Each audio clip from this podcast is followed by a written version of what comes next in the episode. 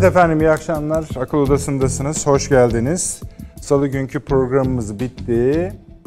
Onun arkasından Sayın Cumhurbaşkanı'nın dış politikayı, politikayı da kapsayan konuşmaları başladı. Bizim de değindiğimiz konulardı.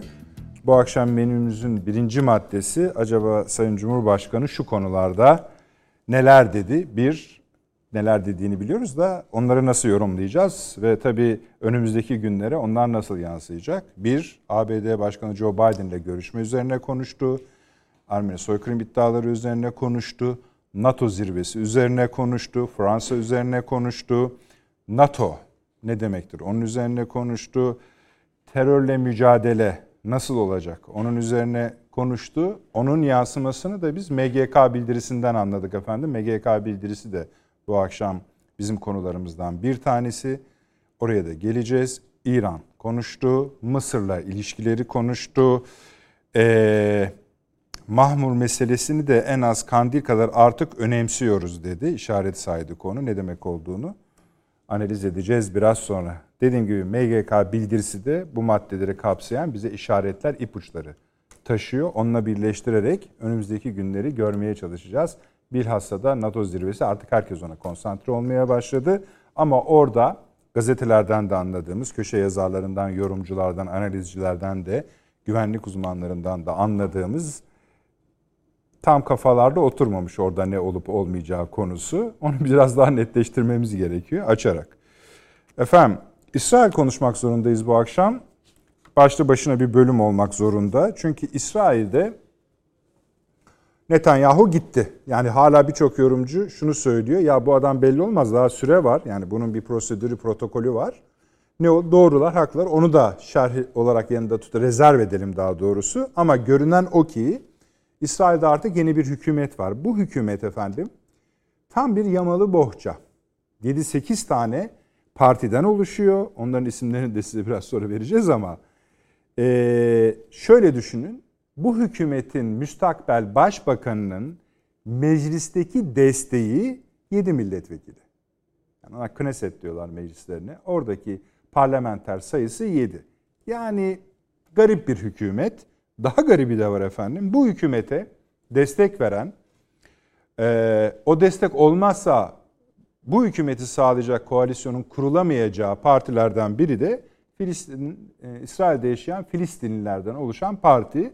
Ve bu parti, bakın burası iyice enteresan. E, bak Müslüman kardeşler Mısır'da büyük problem oldu. Amerika için problem oldu.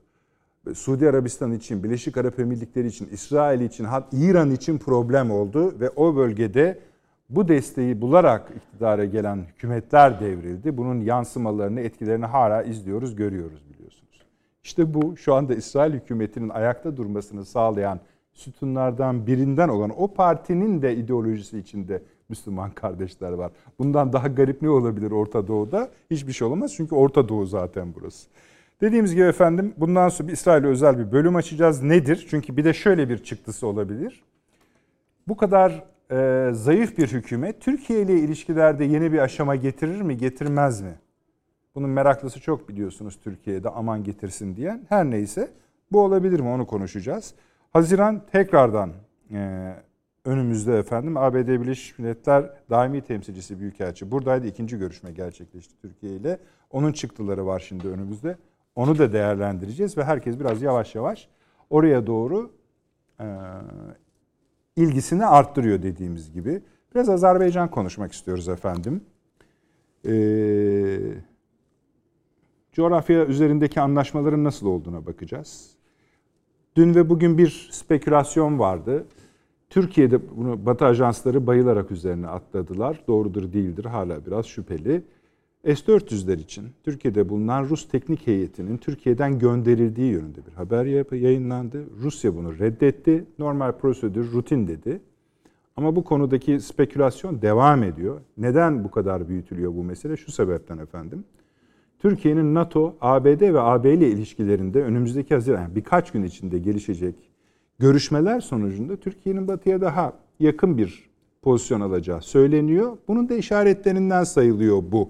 Eğer öyleyse o konuya da biraz değineceğiz. Neyse fazla zaman almayayım ama Şuna da eğer zamanımız kalırsa programın sonunda değinmek arzusundayız. Kanada'da çok ilginç bir olay var efendim. Eminim sağda solda görmüşsünüzdür. Ee, kilise okulları var efendim Kanada'da. Yatılı kilise okulları. Bunların bahçesinde çocuk cesetleri bulunuyor. İlk kademede 215 çocuğun cesedi bulundu. Şu ana kadarki rakam 821 ve kimi spekülasyonlara göre bunun 4000'i aşacağı söyleniyor. Bu hayli karıştırmış durumda Kanada'yı. Türkiye'de pek görülmüyor ama e, bu çocukların işkence edilerek ve etnik sebeplerden dolayı öldürülmüş olması tabii biraz ele alınması gereken bir konu. Ee, en azından biz kendi programımızda bir ufak hakkından az olmakla birlikte parantez açalım isteyeceğiz. Eğer zamanımız kalırsa umarım kalır. Ama genel konularımızda bu akşam başlayalım istiyoruz. Sayın Avni Özgür, hoş geldiniz. Hoş bulduk. İyi akşamlar. Evet, sağ ol. Profesör Doktor Süleyman Seyfiyen Hocam hoş geldiniz. Şeref verdiniz. Ankara'da efendim her perşembe olduğu gibi Profesör Doktor Taşansı Türker hocam var. İnşallah onu göreceğim ve de o da beni duyacak diye ümit ediyorum. Hocam hoş geldiniz. İyi akşamlar. Hoş bulduk Nedret Bey. Teşekkürler. Gayet iyi duyuyorum size. Saygılar, evet. selamlar efendim herkese. Hemen görüşeceğiz hocam. Evet Avni abi. Evet. Burada şöyle bir bölüm var. İstersen o oradan giriş yap arzu edersen. Şimdi hem e, MGK bildirisinin bakayım evet ikinci maddesinde hem de Sayın Cumhurbaşkanı salı akşamı özellikle vurguladığı evet. bir yer var. Mahmut. Bizim güneyimiz öyle o güney ifadesini kullandı. Sonra e, isim zikretti. Bugün e, 2 Haziran tarihli toplantıda da MGK'nın ikinci maddesinde bu çerçevede önümüzdeki dönemde de güney sınırlarımız boyunca terör örgütlerini etkisiz ve sınırlarımızı güvenli hale getirmeye yönelik harekatların kesintisiz bir şekilde sürdürüleceği belirtilmiştir. Şimdi ikisi birleşince bir şey geliyor oluyor. Evet doğru. Şimdi ne geliyor? Birincisi bu güney sınırlarımız diyor. Tamam. Yani, yani Irak sınırımız demiyor. Tamam. Yani Suriye'de dahil buna. Peki. Dolayısıyla yani işin içine sadece Mahmur deyip şey yapamaz. Evet. Ama bir bütüncül bir bakışı var. Ama Mahmur meselesi fevkalade önemli. Bugüne ait bir öneri şey değil. Bu şu veya bu sebeple kimisi işte örgüte örgüte destek olsun diye filan. Kimisi Türkiye'de bir takım başkaca sıkıntılardan dolayı sınırı zaman zaten açıktı neredeyse sınırlar. Geçip Mahmur bölgesine gider. Bu bir çadır kampıydı. Şimdi bir kent oldu. O çadır kampın şimdi okulu var, idare sistemi var, kendi öz yönetimi var. Oraya PKK'nın izni olmadan, kontrol olmadan kimse giremez, çıkamaz filan filan filan. O mahmur e, pek mahmur bir yer değil yani. Peki. Ee, dediğim gibi o birçok değerlendirme yapılabilir belki ama işte terörün kuluçka makinası burası. Yani 14 yaşına gelince bütün çocuklar PKK'ya katılıyorlar. Yani böyle bir mecburiyet var. İlla hepsinin eline silah verecek anlamına gelmez. Ama bir kısmının daha böyle e, şey hizmetlerde kullanıldığı, kimisinin işte o bilgisayar üzerinden çalışıyor. Kimisi işte bu şimdi maket uçak şu bu filan işleri var. O işlere bakıyor, baktırıyorlar filan çocuklara. Tabii kimisini de PKK'nın zaten öldürdüğü çocuk sayısının haddi hesabı yok zaten. Bu çocuk savaşçılar hı hı. E, diye bakılıyor. Kendilerini o Yasar Arafat'ın generallerim dediği şeye e, benzetmeye çalıştılar. Ama bu PKK'nınkiler öyle değil. O Yasar Arafat'ın generalleri taş atıyorlardı sadece. Sapan yani la şey yapıyorlardı. O yüzden dünyada bir sempati oluşturmuşlardı. Bu boyları kadar silahla e, Kalaşnikovlarla geziniyorlar bunlar. Bunlar çocukların ellerine o silahları verdiler. O yüzden hiç e, yani öyle bir şirin, öbürüne şirinlik diye bakılıyordu dünyada. Buna hiç öyle bakılması söz konusu değil. Bu aslında bir çocuk istismarı dediğimiz yani pornografi dediğiniz illa bir seks faaliyeti değil. Bu da bir pornografidir. Çocuk çocuğu silahla yan yana buluşturmak, yan yana getirmek. Yani iğrenç olan her şey Evet. gibi. O yüzden bu mahmur meselesinin bir şekilde halledilmesi lazım ama Neden isim veriyor Sayın? Cumhurbaşkanı? e, özellikle dikkate aldığımız yani bizim iki yer var şu anda. Ya daha doğrusu üç yer var. Bir tanesi biliyorsunuz hedefimiz Kandil demişti Cumhurbaşkanımız yakın zamanda. Ondan sonra Sincar diye ifade ettik. Ve şimdi nokta bir hedef olarak ya bu çocukları kurtarmak zorunda Türkiye. Yani birileri bu, bu örgütün elinden kurtaracak. Başka çaresi yok zaten. Orada aileler yaşıyorlar, yaşamaya başladılar. Yani dedim ya orada bir kent oluştu. Göçmen kampı değil orası yani artık. Okullar var, sağlık ocağı var, şusu var. Yani hastane var. Sağlık ocağı falan dediğime bakmayın. Kendilerince işte bir hastane. Ama e, tamamen e, örgütün yönetiminde elektriğine örgüt karar verir. Her bir şeyine örgüt karar verir. Yani kimse onun kararının dışında bir şey yapamaz. Dışarıda bayrağı dalgalanıyor. İçeri girmek kalksanız bir tane adamını bile bulamaz, bulamayabilirsiniz. Ama oradaki örgütün oradaki varlığı öyle şuradaki kulübesinden, buradaki karakolundan kaynaklanmıyor. Estirilen bir hava var orada. Yani kokuyor. O ben varım, ben buradayım diye kokuyor. O yüzden oradaki insanlar, çoluk çocuk dahil, kadın erkek, herkes dahil yani. Yaşına falan, yaşın falan önemi yok. Herkes e, eğer sen dinlemiyorsan birilerini, birileri seni dinliyor. Yani böyle bir zincirleme, birbirine her şeyi, herkesi bağlayan bir sistem kurulmuş zaten. Bu Hizbullah'ta da böyleydi. Yani herkesin birbirini denetlediği veya birbiriyle irtibatlandırıldığı bir sistem kurulmuş. Peki siz diyordunuz ki Türkiye'nin şu sıralarda bu bölgede bir takım hareketler yapması gerekiyor. Evet. Bu, Hatırlıyorsunuz. evet. Ee, on- onu sağlıyor mu bu? Ona Bunu- şifa mı yoksa Şimdi bu, ayrı bir şey? Şöyle bu bu Türkiye'nin e, tek başına değil mutlaka peşmergeyle birlikte yapacağı bir iş. Ve silahla yapmaktan ziyade orada çünkü şey değil yani nihayetinde çoluk çocuk da var yani kadın var sivil insanlar var. Burayı tasfiye etmekten söz ediyoruz. Tamam? Oradaki insanlara kalacak yerler göstererek, bilmem ne ederek, şu bu. Ama yani bu o bölgenin e, ta- olduğu gibi tasfiye edilmesi. Onun Orada bir takım zorluklar var. Ha tabii var zaten. Değil mi? Yani örgüt orayı bırakmaz. Yani gönül zaten işte silahlı kuvvet orada gerekiyor. Yani onun bırakıp bırakmamasından za- ziyade Bağdat ve Erbil ile ilgili sorunlar. Yani Mahmur üzerinde konuşmuyorum. Yani- İşte bakın Kandil'den bahsedilirken Sayın Cumhurbaşkanı orada iki tane kandil var dedi. Ne kastettiğini biliyorsunuz. Evet. Yani bir tarafı malum, bir tarafı malum. Şimdi şöyle bir şey var. Tabii Türkiye'nin e, yani Sayın Cumhurbaşkanımız eskiden olsa yani bir 10 sene öncesinde olsa nara atardı. Vay İran, vay bilmem ne, vay efendim falan diye söylerdi. Artık diplomasi birazcık o, onu da törpülemiş demeyeyim ama yani en azından şu var yani ne demek istediğimi anlıyorsunuz değil mi filan diyerek konuşuyor, evet. Cumhurbaşkanı.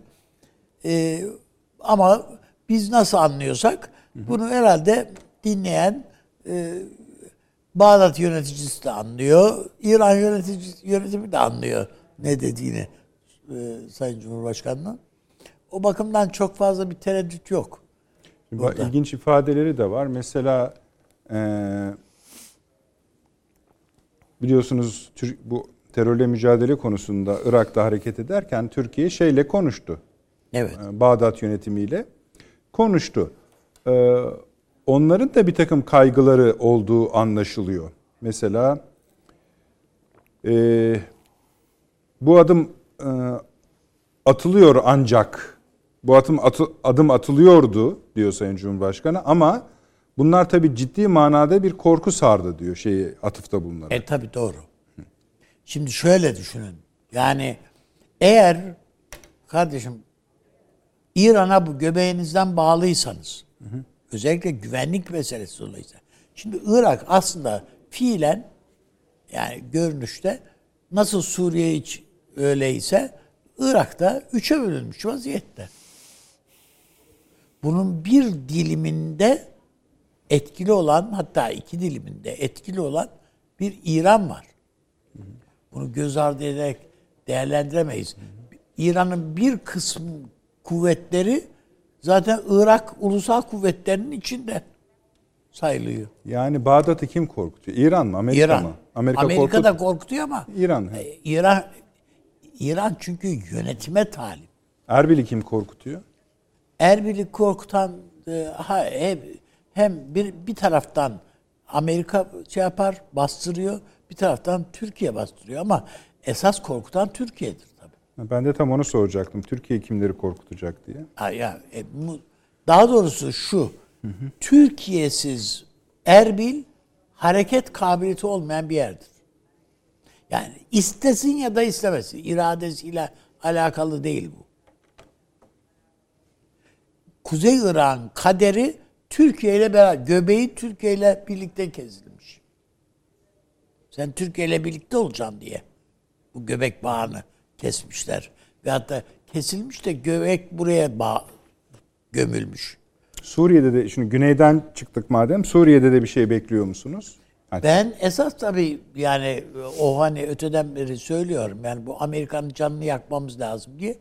İnşallah yani ya, yakarız yani bu e, PD ile ilgili olarak bizim mutlaka bu 14 Temmuz'dan önce mutlaka Haziran. e, 14 Haziran'dan önce bizim mutlaka orada bir şey e, göstermemiz lazım. Bayrak göstermemiz lazım. Şimdi bir takım bu Yani Rusya'da ayağını denk almalı. İ- keza İran'da ve Suriye'ye bayrak göstermemize gerek yok. Şimdi musun? Bunları bir topladığımızda Şam ortaya yönetimde. bakın şöyle bir tablo çıkıyor. Şimdi bu S-400'leri de teknik personel falan filan doğru değil, önemli değil. Bu lafların dönmesi Evet. önemli.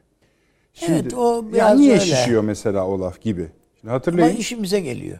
Peki neden, nasıl Şişmesi. işimize geldiğimizi anlatırsınız da ona şunu ekleyeyim ben.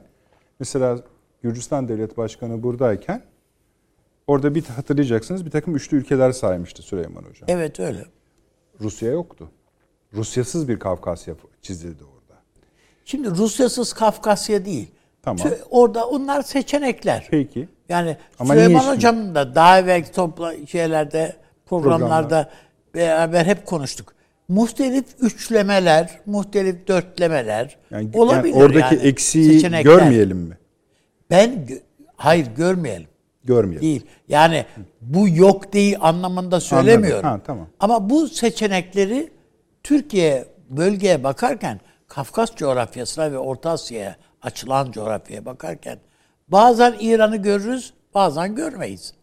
Bazen Pakistan'ı da görürüz, bazen Afganistan'ı da görürüz ya da işte Özbekistan'ı da görebiliriz. Yani şeyler farklı üçgenler kurabiliriz. Biraz da bu e, satranç gibi yani satrançta biliyorsunuz at böyle L harfi şeklinde hareket eden bir şey taş geriye de çekebilirsin. İlla ileri her seferinde sadece ileri gitmek diye bir şey yok yani. Geriye de çekebilirsin Peki. bazı şeyleri. Yani ona da bir değinmek isterim ama ko- konuşmamızın içinde. Ben Fakat şuradan mesela- başlayalım isterim. Ee, Devam bu- edelim daha Onun doğrusu. için bu e, mahmur meselesini psikolojik bir etkisi var mahmurun. Yani e, stratejik bir etkisi değil, psikolojik bir etkisi var. Orada Kuzey Irak'ta e, kendine ait bir toprak parçası gibi bakıyor örgüt buraya. Burası benim. Bir kanton gibi bakıyor. Bunun olmadığını, olmayacağını göstermek lazım. Ama bunu sadece peşmerge yapamaz. Çünkü biz çıkacağız, geleceğiz geriye. Ordumuz orada çöreklenecek değil. E karşı karşıya bir, bir arada yaşıyor peşmerge or- or- orada. Yani o bakımdan yani o peşmergenin de elini güçlendirmek lazım orada. Peki, teşekkür ederim. Süleyman Hocam, dediğim gibi salı akşamki programda bizim konuştuğumuz konuların üzerine geldi Evet. Sayın Cumhurbaşkanı'nın açıklamaları. Bunların bizimle örtüşen başlıklarında ortaya bir merhem çıktı mı çıkmadı mı, tatminkar olup olmadığı ya da bunların hepsinin dışında ve daha önemlisi Türkiye'nin Haziran'daki pozisyonuna ilişkin bize ipuçları verildi mi o konuşmada diye danışacağım. Mesela dedi ki Sayın Cumhurbaşkanı Türkiye-ABD ilişkileri niçin böyle bir gerilim safhasında olduğunun olduğu sorusunun cevabını arayacağım orada dedi. Arayacağız orada dedi. Ee, Ermenistan meselesine değindi. Mesela dedi bu sözde Ermeni soykırımını dedi mealen söylüyorum. Şimdi getirip önümüze koyuyorlar. Sebep dedi. Yıllar sonra dedi Azerbaycan kendi göbeğini kendisi kesti. Şimdi burada da kalkıp hiç mi hiç ilgisi alakası olmayan bir Türkiye'yi sen kalkıp da böyle bir konunun içine nasıl atarsın dedi. Aslında o soru hani ne o soykırım mesele iddiasının neyle ilgili olduğunu da bize e, deşifre ediyor. Efendime söyleyeyim e, şunu bilmeleri gerekiyor. E, bölgesinde inisiyatif alan, küresel meselelere taraf olan müttefikleriyle eşit ilişki talep eden bir Türkiye var artık. Bunu da buna da alışmaları gerekiyor dedi. Daha başka konular da var. Keza şeyi net koydu. Geçmiş Obama döneminde, Trump döneminde Amerika Birleşik Devletleri terörün bölgemizdeki teröre desteği neyse aynen devam ediyor dedi. Joe Biden döneminde de isim vererek zikrederek söyledi. Ee, ve NATO zirvesinde ne mesaj vereceksiniz diye sorulduğunda da Türkiye'nin içinde olmadığı bir NATO güçlü değildir. Biz NATO'nun en güçlü 5 ülkesinden biriyiz.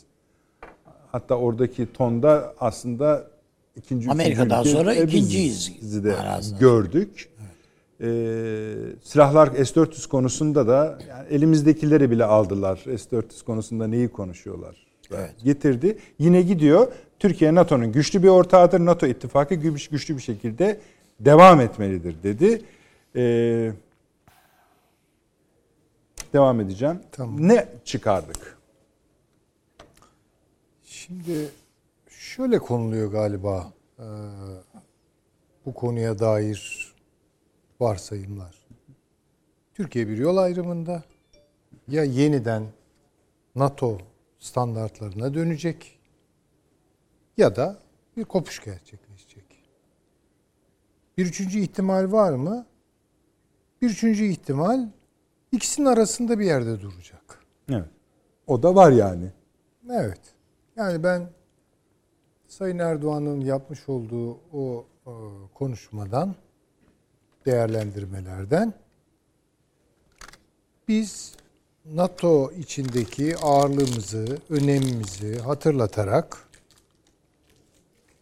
NATO'nun daha doğrusu Amerika Birleşik Devletleri'nin bizi olduğumuz gibi kabul etmesini isteyeceğiz. Tercümesi budur. Yani diyeceğiz ki onlara biz olmadan olmuyor. Biz olmadan olmadığına göre Türkiye bu kadar önemliyken başka bir Türkiye olduğunu hesaba katarak Türkiye'yi olduğu gibi kabul edin. Bu tezi zorlayacağı anlaşılıyor. e, Biden'la olan görüşmesinde. E, ne var ki bu tez Biden'da karşılığını bulur mu? Şöyle bulur bakın. Evet Sayın Erdoğan haklısınız. Türkiye NATO için çok önemli bir güç merkezi. Ee, ama Türkiye'yi biz olduğu gibi kabul etmeyiz. Bizim istediğimiz gibi Türkiye'yi kabul ederiz. Şimdi orada sorsa yani bizim istediğimiz gibi bir Türkiye nasıl bir Türkiye? PKK'ya ses çıkartmayacak. Orada bir devlet kuracaklar. İçeride işte efendim söyleyeyim istedikleri gibi bir vur patlasın, çal oynasın demokrasisi. Ben öyle görüyorum açık söylemem gerekirse. Her an her türlü ayrışmayı mümkün kılabilecek bir böyle çatlaklar gösterisi. Efendim söyleyeyim işte narko bir devlet olduğunu kabul eden ve özür dileyen bir Türkiye. Teröre destek veren yani El Nusra veya El Kaide'ye destek veren bir Türkiye ama özür dileyen ve geri çekilen vallahi bir daha yapmayacağız. Nasıl bir Türkiye? Bu S-400'leri ben nereden ettim aldım yani büyük başıma Acaba iş bunu almışım. ne yapsa arayan ha, bir Türkiye? yani falan. İstediği bu. Yani şöyle söyleyeyim. Türkiye'yi gözden çıkardı diye bir ifade kullanıyorum ben pek çok programda. Çünkü zaten Türkiye'nin başka bir Türkiye olduğunu gördüğü için bunu yapıyor. Açmaz orada diyorsunuz tabii. Türkiye yeniden kabul eder. Edebilir. Diyelim ki hani çok teslimiyetçi siyasetler yürütüldü. Bin bir özürler, günah çıkarmalar vesaire. Çok severler böyle şeyleri. O zaman da diyecek ki bir kısmından kurtul.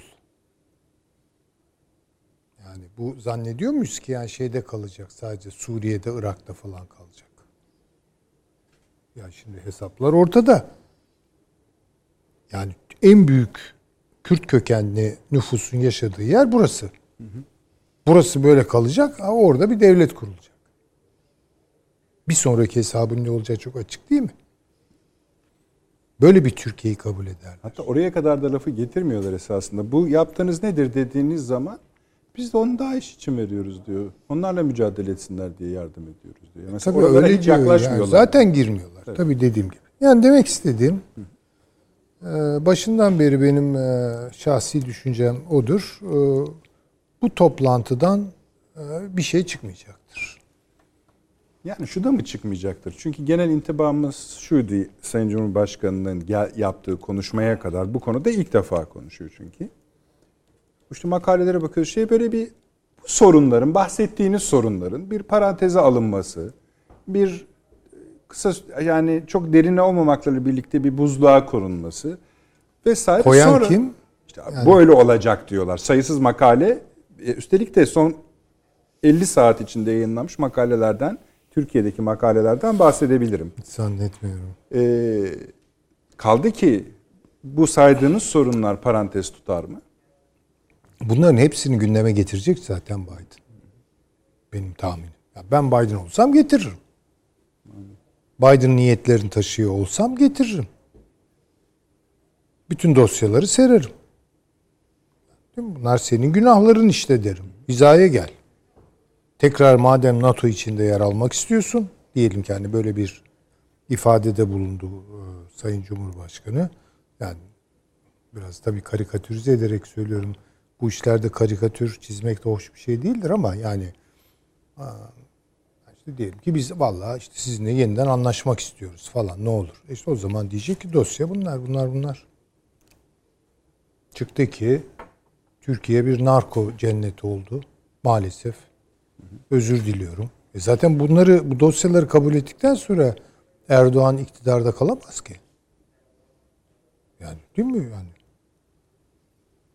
Şimdi bakın beni belki biraz düz konuşuyorum, uzaktan konuştuğum için Türkiye Amerika Birleşik Devletleri ilişkilerinin bir daha eskisi gibi olmasına imkan ihtimal yok. Eğer eskisi gibi oluyorsa orada mutlaka Türkiye'nin kayıpları olur. Bunda hangi siyaset Taviz verildiği için olur. efendim hangi siyaset böyle bir sorumluluğu alır bilmiyorum. Ya burası Türkiye. Hesabını sorarlar yani. Peki nasıl Böyle uzlaşılacak? bir şey olmaz efendim. Onlar uzlaşmayı hiç mi düşünmüyorlar? Efendim onlar uzlaşmayı düşünmüyorlar. Onlar her türlü dayatmanın dosyaları topluyorlar, oluşturuyorlar. Şimdi bütün bunlar hakikaten konuşmasında da söyledi. Ermeni soykırımı yapmış olan bir millet Türkler. Öyle mi? Peki. Narko. Narko, e, kirli işler, silah kaçakçılığı, e, bütün dünyanın lanetlediği terör Gayridemokratik, örgütlerini beslemek, hakları, narko. gayridemokratik, insan haklarına riayet etme diyor, etmiyor. Antisemitist bir de. Şimdi bunlar böyle tespit taneleri gibi zaten diziliyor. Yani farklı mahreçlerden geliyor olabilir. Ama bir dizilimi var bunların. E ne anlıyoruz biz bu- bunlardan? Ne, ne anlaşılıyor bütün bunlardan? Demek yani anlaşmak için iki taraf oturur. Herkes kendine göre işte ne bileyim bagajını boşaltır. İşte şurada anlaşabilir miyiz? Böyle bir şey yok ki oraya. Hizaya gel komutuyla geliyor. Biden. Tabi bunu çok kibarca yapacak. Hiç şüphe yok. Hizaya gel ve işte bak dosyalar bunlar deyip çıkacak. Tabi bunun arkasından Halkbank davası da gelebilir, başka davalar da gelebilir. Bir sürü bir sürü bir şey gelir. Ee, Benim anlayabildiğim bu. Çünkü bu dünya uyuşturucu şey Amerika'nın uyuşturucuyla mücadele e, şeyi şey, e, servisi girdi bu işlere bak. Bunlar çok önemli şeylerdir. Bu antisemitist suçlama bu çok önemlidir. Bunu herkes biraz öyle anladı. Ya işte diktatör demişlerdi. Şimdi bir de böyle. Yo öyle değil. Bu lekedir yani. Öbürü tartışılır. Öyle midir, böyle midir? Bu lekedir ve yıkanmaz. Onu çıkaramazsınız kolay kolay. Lekeliyor sizi yani. Şimdi böyle geliyor karşınıza. Şimdi siz ne yapacaksınız? Tabii bilemem ne yapacaklar ama tablo bu. Yani insanlar şunu düşünmesinler. Yeniden Amerika ile anlaşacağız. Amerika bize diyecek ki affedersin ben bu PKK'yı yanlış tanımışım.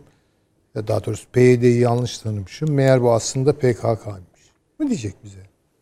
Sen bizim için daha önemlisin. Biz bu PKK'ya sırtımızı dönüyoruz mu diyecek. Yok. Düpedüz geliyorlar. Ama bakın biz bunu ilk günden söylüyoruz. Ben o ifadeyi kullandığımı hatırlıyorum. Türkiye'ye artık bodoslama girecekler. Biden'la birlikte. Daha bodoslama diye bir tabiri vardır ya. Evet. İşte bodoslama bu. Peki hocam. Devam edeceğiz bu konuya. Teşekkür ediyorum. Bir şey söyleyecek Yani hiçbir şeyini Amerika gizlemedi ki. Evet. Ya biz şaşırmayacağımız bir şey çıkmayacak yani onun için. Hocamın söyledikleri Şöyle bir şey çıkarsa yani kaba hatlarıyla bakarsak doğru. Hocamın dedikleri doğru. Amerika hatlarıyla. uzlaşmak isteyecektir. Yani elinin altından niye kaçırmak istesin canım yani? Mutlaka uzlaşmak isteyecektir. Mutlaka kendine göre elma şekeri zannettiği bir şeyler de diye tasarladığı bir şeyler de verecektir. Vermeye çalışacaktır. Ama netice itibariyle Türkiye'nin Amerika ile ilişkileri asla Toparlamak 10 yıl öncesi 10 Mümkün 20 değil. yıl öncesi Mümkün değil. gibi bir ilişki asla olmayacaktır. Ama biz 20 yıl önceki iyiler iyiydi de şimdi kötü anlamında söylemiyorum. 20 yıl önce biz başımıza neler geldiğini bilmiyorduk. Bilmiyor anlamamıştık. Şimdi, anlaşılıyor. gördük. Ya biraz geç oldu ama Güç de oldu üstelik. evet. Bu, bu rahmet bu adam rahmetli lafından da hoşlanmıyordu ama bu Aziz Nesin'in bir lafı var. Ee, başımıza gelenlerden korkmadığımız için bütün korktuklarımız başımıza geldi. Dolayısıyla yani şimdi de olacak olan odur. Yani burnumuzun dibine getirdi CENTCOM komutanı işte görüyorsunuz bu tankları değil mi? Evet. Onu Ha işte göstere göstere dedi ki ben burada bu devleti kuracağım kardeşim. Bana güvenebilirsiniz dedi. Bu arkamdaki şu zırhlı araçlar boşuna değil burada dedi. E şimdi bu e, NATO anla, şeyine zirvesine bir iki hafta kala söylüyor bu herif bunu. Yani buyur ne yapacaksın yani buna? Buna mukabil iki tane ciddi ziyaret oldu. Bunların her ikisinin de NATO zirvesindeki buluşmaya ayarlarına ilişkin olduğunu İşte biliyoruz. orada tebligatlar yapıyorlar canım. Yani şunları tabii, şöyle tabii, yapacağız. tabii canım. Bak şunları getiriyoruz. Bunlar yani şuna evet diyebiliriz. Mesela diyor adam. Kafadan atıyorum yani bu böyle olacak diye değil de hani öyle laflar var öyle söylentiler. S-400'leri işte Nahçıvan'a göndeririz. Biz ayarlarız. Siz de oraya gönderirseniz olur filan. Ha tamam. Se- seçenekler sunduk diyor adam değil mi Türkiye'ye? Tabii siyasi seçenekler sundu. Sen sunduk. Evet, sen birini seç diyor. E kardeşim eğer başka bir yere göndereceksen ister Nahçıvan ister Azerbaycan fark etmez yani. Hani sen de demiyor musun diyor zaten iki devlet bir de millet filan. Ha, evet, tamam. Ha burada orada ne fark edecek? Gönder gitsin.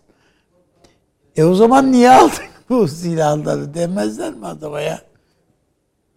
Yani bu, bu bunlar Buradan bir- peki Amerika'nın burada anlaşma olmayacağını görmüyor olması mümkün mü? Amerika'nın Amerika'nın anlaşmak diye bir derdi yok. O halde o anlaşmak sonunu, diye derdi o olan sonunu biziz. da söyle. Yani Biziz. nereye gidecek o zaman iş? Ha? O zaman nereye gidecek? Hayır yani ge- gitmeyecek bir yere yani bir Türkiye e, hatırlıyor musunuz? E, yani mutlaka hatırlayacaksınız.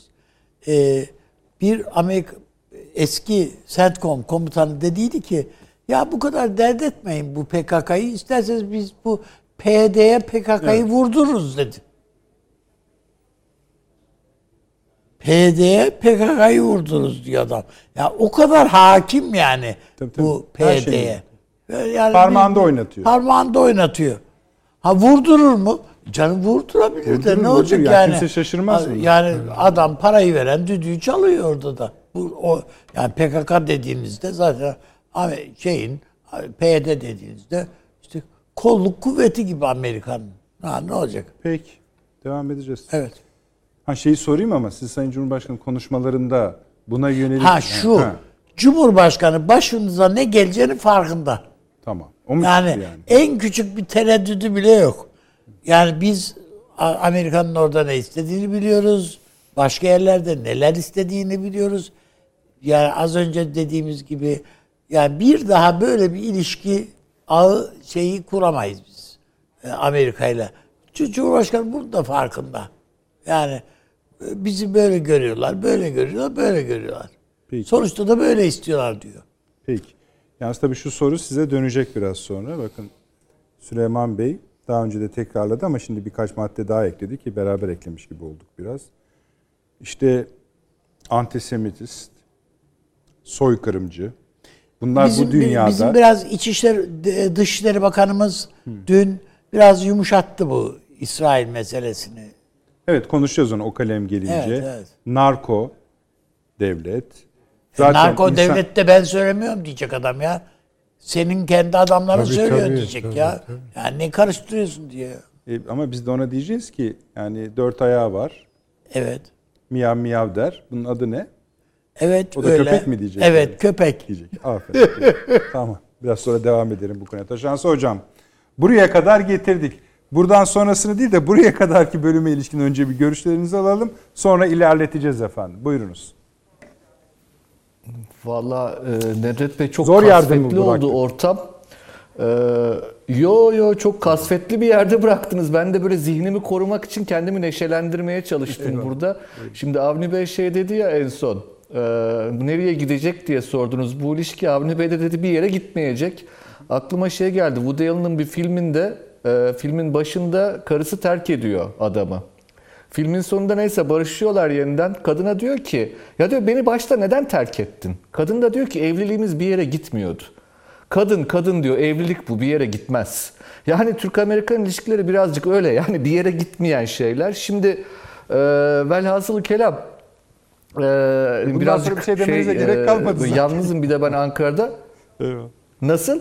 Bundan sonra bir şey Ya demenize şöyle gerek şimdi kalmadı. burada zaten. yalnız olmanın verdiği böyle bir Peki şey efendim. var. Nedir onun adı? Hani e, e, eğlendirmeye çalışıyorum kendimi de kısmen. Ee, Evet. Buyurun, Şimdi buyurun. şöyle yani Süleyman Hoca'nın bahsettiği sorunlar var. Yani o sorunlar Trump döneminde de vardı, Biden döneminde de var. Yani Amerikan terör örgütlerine verdiği destek, itişler, kakışlar, şunlar bunlar ama bir şeyler değişti. Yani Trump ve Biden arasında e, bir şeyler değişti sonuçta. E, Ve hani o yüzden e, belki sizin stüdyoda konuştuklarınız çok kitabın ortasındandı. Belki şöyle bir mukaddime bölümüne başa doğru geri gitmek lazım benim açımdan. Buyurun. Olayı daha kökleriyle beraber değerlendirebilmek için. Şimdi dedim ya ben burada yalnızım böyle eğlendirmeye çalışıyorum kendimi. Şimdi bizim Osmanlıca diye bir dil var gibi düşünür insanlar. Biliyorsunuz Osmanlıca diye bir dil yok. Nedir bu?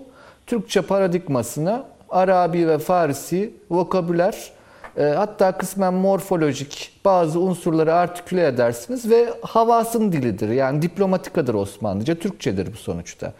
Hani ama ne yapar işte Arapça da Farsça ile yapar. Şimdi onu da kendi kendime bir şeyler karaladım ben de burada. Mesela diyelim bir siyasetname yazıyor olsak Osmanlıca 17. asırda na- nasıl başlarız? Ya da bir İskendername'ye zeyl yazacak olsak şöyle bir şeyler karaladım. Şimdi sizlere de okuyacağım. Hayatiyet yani hayatta kalmak. Ba siyaset, e, ba siyaset mümkün est. Ba malum Farsçada şeydir e, ile. Yani siyasetle ancak hayatta kalırsınız. Siyaset idraki vaziyet est. Yani durumu analiz etmek siyasettir. Şahsiyet ba hürriyet mümkün est. Şahsiyet ancak hürriyetle mümkündür. Hürriyet idraki zaruret est. Hürriyet de zaruretlerin, zaruretin idrakidir. Yani der büyük ihtimalle burada müellif, şahsiyeti siyasi yani siyasi kimlik ba intibak mümkün est. Ancak intibak ile mümkündür. Yani bunu çok bugünün Türkçesiyle söyleyecek olursak zekanın en büyük göstergesi adaptasyondur deniyor ya şimdi psikoloji derslerinde. İntibak. Şimdi bunu neden söylüyorum? Bu olmazsa ne olur? Bu olmazsa ne olur? Size söyleyeyim. Geçen haftalarda da söyledim. Bu Mantua Dükü'nün aryası vardır Rigoletto'da. La Donna Mobile. e, Qual più al diye. Rüzgarda uçuşan bir yaprak gibidir kadın diye. O Donna'yı orada nasyon yapın. Yani devlet rüzgarda uçuşan bir yaprak haline alır. Ondan sonra devam eder. E misero. Her zaman üzgün ve ona kim güvenir vesaire gibi. Velhasıl kelam devletler adaptasyon yeteneği olan organizmalardır. Çünkü aksi takdirde hayatta kalamayacaklarını bilirler. Yani e, bu çerçevede de neye adapte oluyor Türkiye? Hani dedik ya sorunlar ortada Türk-Amerikan ilişkilerinde. Peki değişen ne? Değişen ne yani? Şimdi burada mutlaka ve mutlaka Biden ve Trump dönemleri arasında Türkiye'nin içinde bulunduğu, Türkiye'den bağımsız dışsal faktörleri iyi analiz ediyor olmamız lazım. Şimdi efendim Trump şunu dedi tüm dünyaya. Ben dedi Amerika'nın dünyanın jandarması olmasından hiçbir şekilde kar edemiyorum. Ben Çin'le bir ulus devlet gibi, bir imparatorluk gibi değil de bir ulus devlet gibi kapışmak istiyorum. O yüzden belli bölgelerden ben çekiliyorum. Ne haliniz varsa görün dedi.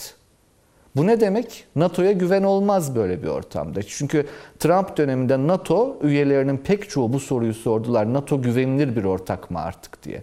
Bu ne demek? Belli bölgesel ittifaklara güven olmaz.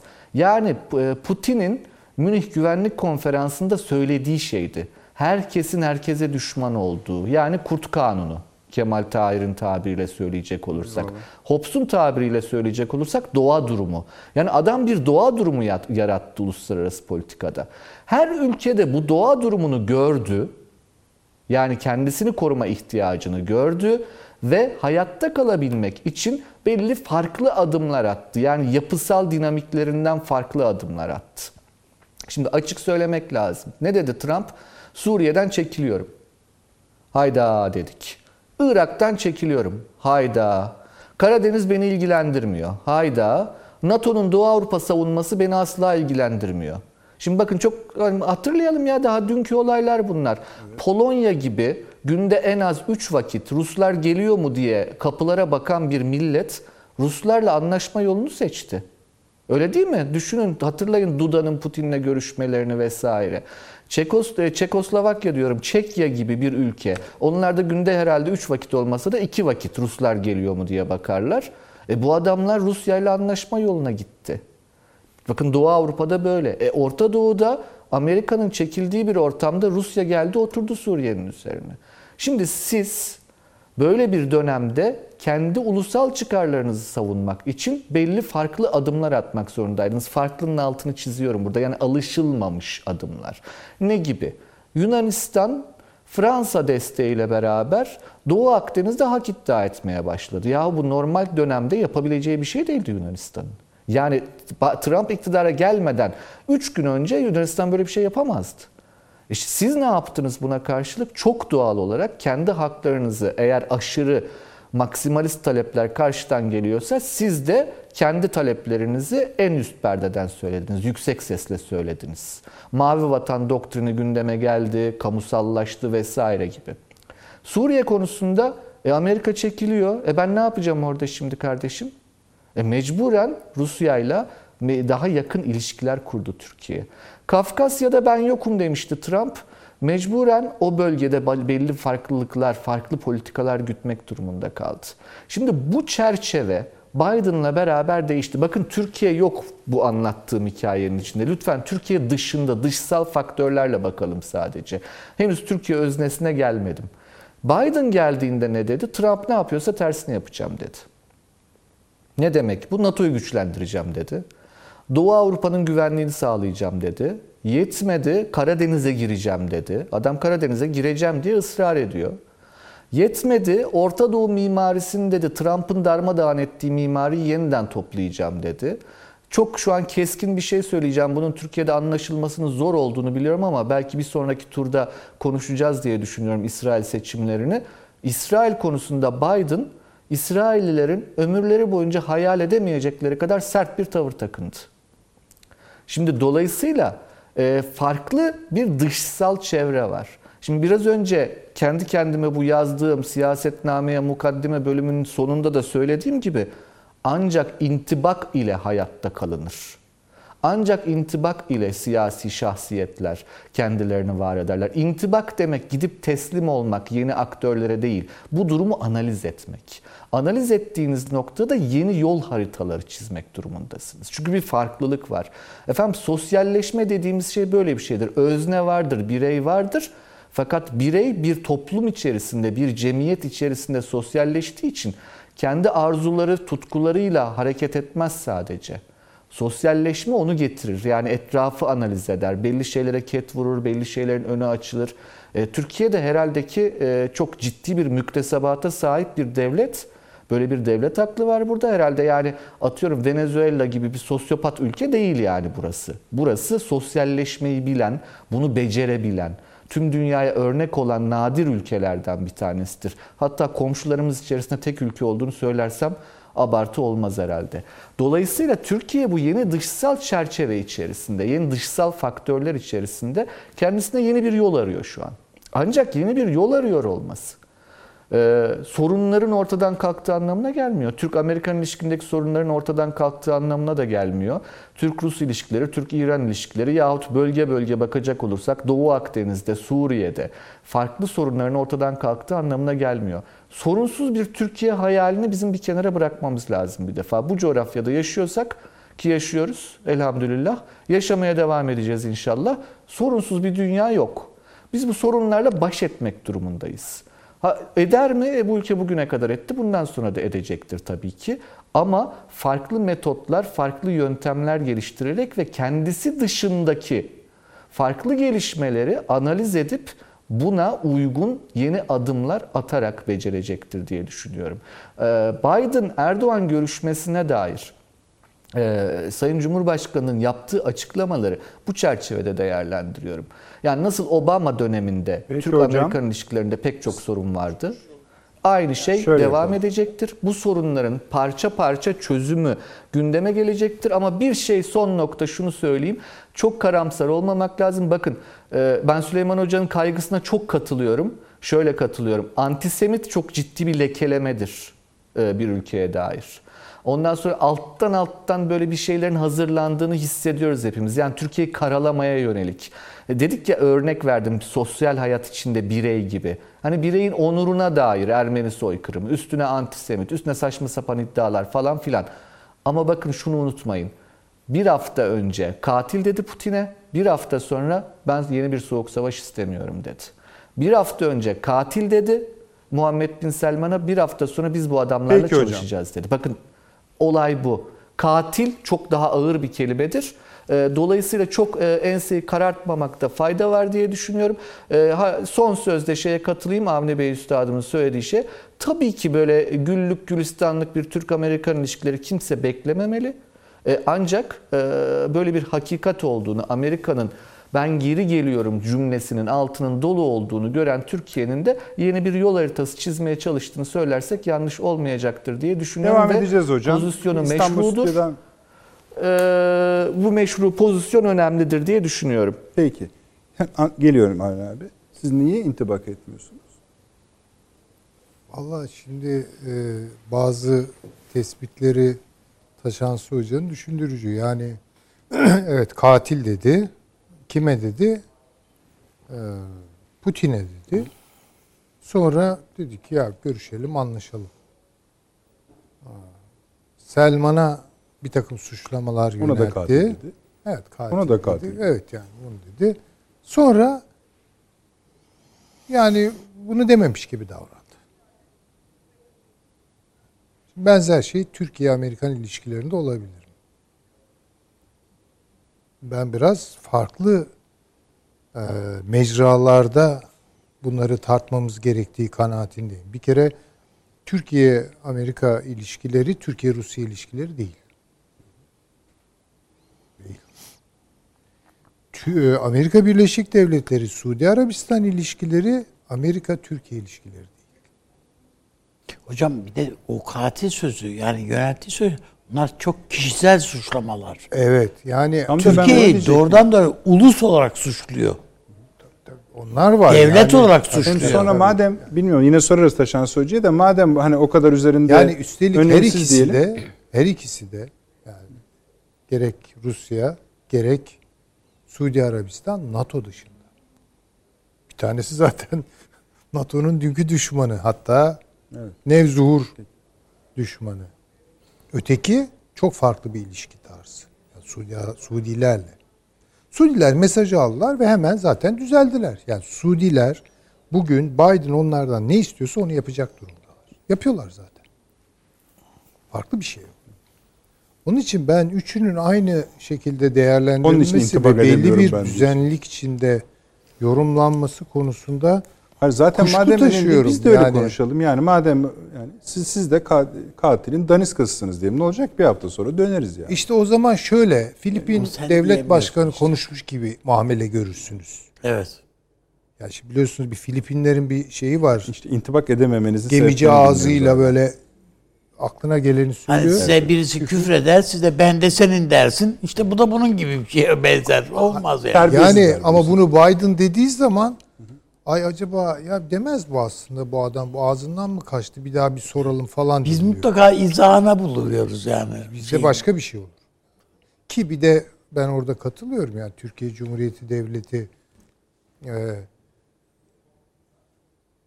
şeyden de eski Amerika Birleşik Devletleri'nden çok eski bir devlettir.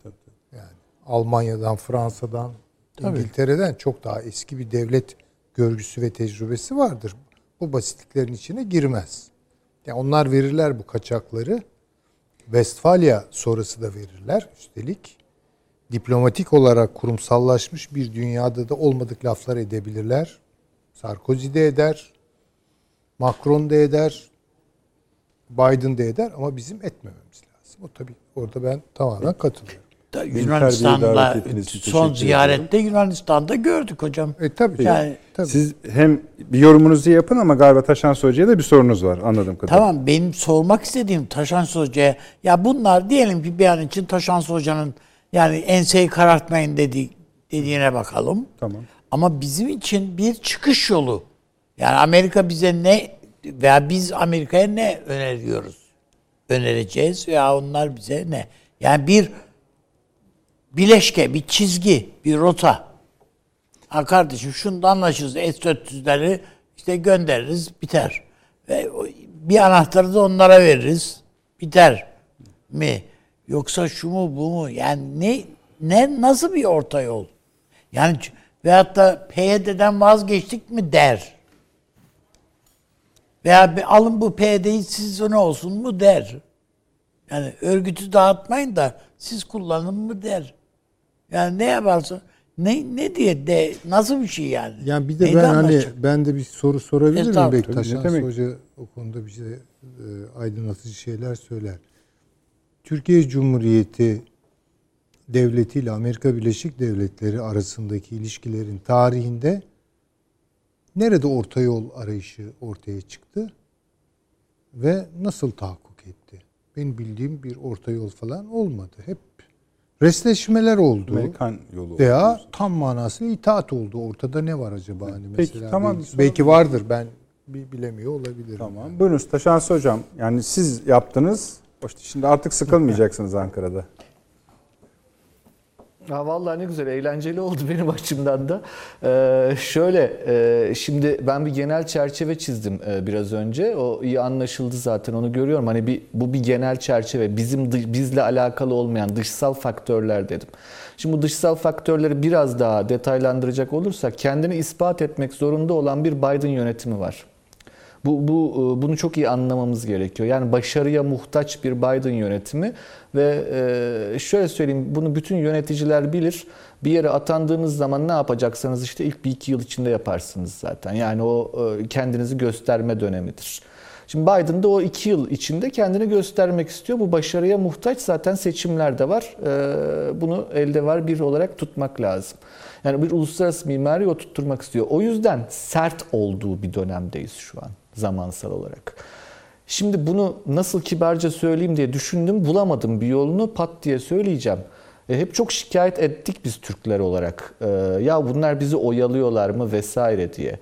Ya şu Türk devletine biraz güvenmek lazım. Belki ara ara Türk devleti de birilerini oyalamayı becerebilir. Yani her bildiğiniz doğru, her an her yerde söylenecek diye bir şey yoktur. Bazı zamanlar bir rüzgarı geçiştirmek gerekir.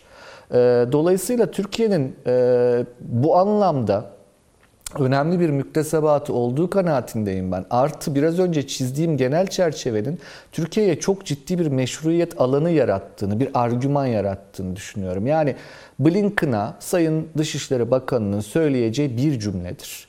Yahu sizin devlet başkanınızdı güzel kardeşim. Biz ulusal çıkarlarımızı korumak için bir sürü iş yapmak zorunda kaldık. Bunun müsebbibi ben değilim, senin devlet başkanın. Ha şimdi başka türlü mü konuşuyorsunuz? Gelin konuşalım. Eyvallah. Bunu söylemek gayet mümkündür. Yani dönemleri, konjonktürleri analiz etmek ve buna cevap yetiştirebilmek gayet mümkündür. Ha, karşınızdaki iyi niye... Ben duyamadım Avni Bey Üstadım. kusura Onu bakmayın. sonra siz devam edin Taşansı Hocam. E, Dolayısıyla bu e, meşruiyeti Türkiye'nin e, meşru pozisyonunu önemsiyorum bir. İkincisi e, Türkiye'nin vazgeçilmez olduğu bazı unsurlar olduğunu akıldan çıkarmamak gerekiyor. Yani bunu hep tekrarlıyorum ben. Kafkasya'da Türkiye vazgeçilmez Amerika açısından. Türkistan'da Türkiye vazgeçilmez Amerika açısından. Bakın bugün biraz önce daha iki saat önce Çin, Pakistan ve Afganistan Dışişleri Bakanları ortak bir bildiri yayınladılar. Afganistan'daki barış sürecine dair. O, o coğrafyada Türkiye olmadan Amerika'nın eli kolu oraya uzanmaz. Kara, e, Kafkasya'da uzanmaz. Doğu Avrupa'da Türkiye bu mimari için şart. Doğu Akdeniz'de Türkiye şart ve hiçbir şey olmadı. Bir medeniyetler savaşından kaçınma içgüdüsüne sahip bir yönetimden bahsediyoruz. Dünyada demokrasisi olan, orta sınıfı olan tek Müslüman ülke Türkiye. Bütün bunlar bu yetişmiş nüfusuyla, genç nüfusuyla Türkiye'nin gücüdür. Yani öyle Amerika'nın Türkiye'yi gözden çok çabuk çıkarabileceği kanaatinde değilim ben. Bu bir pazarlık süreci ve pazarlık süreci sert geçiyor. Bakın bunu açık görmemiz lazım. Sert geçiyor. Hani Amerikan tarafı da sert yumruk atıyor, Türkiye tarafı da sert yumruk atıyor. Ama niyet belli. Yani ikisi de e, kaybetmek istemiyor birbirini ve bu yeni konjonktür içerisinde e, Türkiye kendisine yeni açılımlar yaratma peşinde diye düşünürüm ben. Yani bunu e, şöyle kodlamak. Türkiye efendim e, dün ne dediyse bugün de aynısını söylemiyorsa eğer pes etmiştir demek. Çok çok yanlış bir cümle benim açımdan. Çünkü farklı koşullar farklı varoluşları gerektirir. Bu kaçınılmaz. E, Türkiye'de farklı koşullar içerisinde hayatta kalmaya çalışıyor ve kendisi için e, karını maksime edip e, zararını minimize etme derdinde. E, Dolayısıyla hani burada sorun alanlarına tek tek bakmak gerekecektir. Bizim açımızdan sorun alanı ilk sorun alanımız güney sınırları. Bu. Bizim birinci derdimiz budur. Bizim S-400 falan gibi bir derdimiz yok. Yani Türkiye açısından şey midir S-400? Hayati bir mevzu mudur yani? O bizim lüksümüz. Ee, ama güney sınırlarımız bizim taleplerimiz, asgari taleplerimiz. Amerikalılar da onun önünü kesmek için S-400'leri dosyayı koyuyor masanın üstüne o konuşulmasın diye. Şimdi belli ki bu konuşmalar devam ediyor. Bu konuşmalar devam ederken iki tarafta birbirinin canını sıkabilecek yan konuşmalar yürütüyorlar. Ama diğer yandan da şöyle birazcık şey gibi yani e, nedir onun adı? Sağ eliyle havuç veriyor, sol eliyle sopa gösteriyor iki tarafta birbirine. Ama bu bir pazarlık süreci. Ve bu yeni bir dönem. Yani yeni bir dönem derken işte oyunun 14'üne kadar olan bir dönem bu.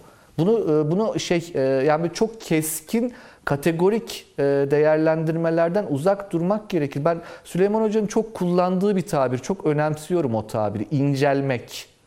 Hani ben de onun yerine genelde Frankçe rafinasyon yahut Arabi'den zerafet kelimesini tercih ederim. E, şu an bu bir rafinasyona, bir inceliğe, bir zerafete ihtiyaç olan bir dönem Türk dış politikasında. Ama bir şeylerin yeniden yapılandığı açık. E, o yeniden yapılanan şeylerde dediğim gibi işte NATO politikası, Kafkasya politikası, Orta Doğu politikası ve bunların hepsini de kapsayan ama yine bunların da bir parçası olan e, Türk-Amerikan ilişkilerinin e, bir tartışma içinde olduğu süreç olarak değerlendiriyorum ben bu günleri. Şimdi intibak ettiniz mi Süleyman? Ee, yani bir, tabii biraz rahatladım. Çünkü şöyle rahatladım. Hasan Hoca, Süleyman Hoca ikna edecek. Yani bir kere ilmine çok saygı duyduğum Eyvallah. eee, ve her konuşmasında kendisinden bir şeyler öğrendiğim bir meslektaşım olduğu için yani o açıdan beni rahatlattı. Ama benim mesela aklımda bazı sorular var. Yani şimdi Amerika Birleşik Devletleri bu kadar Türkiye kendisi için önemliyse yani Kafkasya'da bilmem işte diyelim ki Türkistan'da falan böyle dosyalarla mı gelir? Yani mesela çok daha bence sıcak davranabilir. Mesela hatırlayalım. e, Bush döneminde bir Bush-Özal ilişkisi vardı. Evet. Değil mi yani? Yani işte e, Z kuşağının kanka dediği bir halde. Halde tabii canım. Yani çat kapı falan birbirlerinin evlerine giriyorlar, çıkıyorlar, çak yapıyorlar, şakalar yapıyorlar falan. Belli ki çok güzel kafeslediler Özal'ı. Ve istediklerini de yaptırttılar. Bu yollardan biridir. Ve Amerika bu işi çok iyi yapar. Bugün bunu mesela benim bildiğim kadarıyla Avrupa diplomasisi pek yapamaz. Yani daha az e, intibaksızdırlar yani. İngilizler hariç. Kıta Avrupa'sını kastediyorum. Ve sonuçta karşımıza çekiç güç olarak geldi. Başka şeyler olarak geldi. Neyse. Koca bir e, Kürt meselesi olarak geldi. Şimdi bu ne perhiz bu ne lahana turşusu. Çünkü bunu bilmeyen adamlar değil Amerikalılar. Yaparlar. Bir de Türkler hakkında o kadar enformasyon sahibidirler. Türklerin gönlünü kırmak ve kazanmak kadar kolay bir şey yoktur. Bir lafla her şeyi göze alır Türk, düşman kesilir. Bir lafla da gelir sarılır size. Bunların arasında geçişler çok kolaydır ve bu kadarını bilir Amerikalılar. Yapmıyorlar. Yapmıyorlar. Yani çünkü bu yol değil ki hani Haçan Türkiye bu kadar kıymetli. Başka yolları var ve bildikleri yollar bunlar bunların. Hocam yalnız Hani- şöyle bir şey yok mu? Yani adam her seferinde aynı oyunu yapıyor. Biz de her seferinde düşüyoruz. Biraz onu da söyledi Süleyman Hoca işte. Hani Hani Yani kara kaşlı der diyorsunuz. yani şu, ama hep aynı kart birader yani. Her seferinde adam hatta diyor yani her seferinde ayrı yalan bulacak değiliz. de İşte bu, bu bir elimizde bu var. Yani. çalışıyorsa niye? ağırlaşıyor dosyalar. Şimdi onu görelim yani. Bayağı ağır dosyalar onlar. Lalet tayin değil. Ve her biri bir tehdit içeriyor. bir intibak süreci yaşanacaksa ikili olur bu. Bir yerlerde uzlaşılır. Ama intibak e, etmek istediğiniz insana dosyalar götürmezsiniz bu şekilde. Bu intibaksızlık doğurur yani. Şu konuda tamamen mutabıkız. Amerika Birleşik Devletleri istese 10 dakikalık bir görüşmenin ardından yapacağı Efendim, tek açıklamayla iki ülke ilişkileri bambaşka yere Bambaşka. evrilir. Yani eminim tekrar güller açar. Tabii tabii. Tekrar biz I Love You Amerika şarkıları söylüyor. Böyle bir milletiz biz yani. Böyle saf bir Şimdi tarafımız mesela var. şöyle düşünüyorum ben. Ee, tarihte herhalde bu Ali Paşa var bir tek. Taşan Hoca Dışişleri Bakanı olsa yani o konuda ancak öyle görüyorum. Ali Paşa da çünkü en aykırı dediğin adamlardan e, Avrupa devleti olduğumuza dair anlaşma çıkardı değil mi? Tabii. Paris Anlaşması'nı çıkardı. Taşan, Taşan Hoca da öyle. Yani Ee, evet ama şimdi dediğim gibi intibak süreçlerinin biraz vahitkar olması lazım. Ben onu çok vahitkar görmüyorum yani tabloya bakarak. Yani şimdi nasıl Hocam, intibak edeceğiz? Oradaki herhalde yani belki öyledir. Yani iki gün evveline, üç gün evveline bakıyorsunuz. CENTCOM komutanı geliyor, tankı topu dikmiş Türkiye'ye. Bu ne ya? Bu böyle mi intibak olunur? Ya şimdi bu intibaktan ziyade zorlama, dayatma, bunlar başka şeyler. Yani orada ben belki biraz e, stüdyoyu karartıyorum. Yani öyle Yok söyleyeyim. belki şöyle de bir formül kullanabilir. Amerika madem böyle davranıyor, Amerika'yı bunun dışında davranacak şartları değiştirmek lazım belki de. Yani işte Irak'ta, Suriye'de, Akdeniz'de, Kafkaslar'da, İşte Rusya ile ilişkilerinde Mamur Çin'le- açıklaması biraz galiba öyle yani Amerika'ya şunu söylüyor. Yani tamam görüşeceğiz orada vesaire ama ben çok bir şey ummuyorum. Ya ben e, e, Erdoğan'ın, Sayın Erdoğan'ın tercih ettiği e, doğrultunun, istikametin bugünkü konumunu Türkiye'nin kazanımlarıyla birlikte ayak, ayakta tutmaya mahsus olduğunu. Şimdi zaten bu istenmeyen de bu. Evet.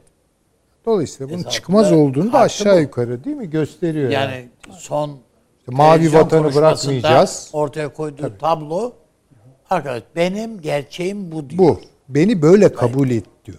Evet, tabii. İşte o da diyor ki ben seni böyle kabul etmiyorum diyor.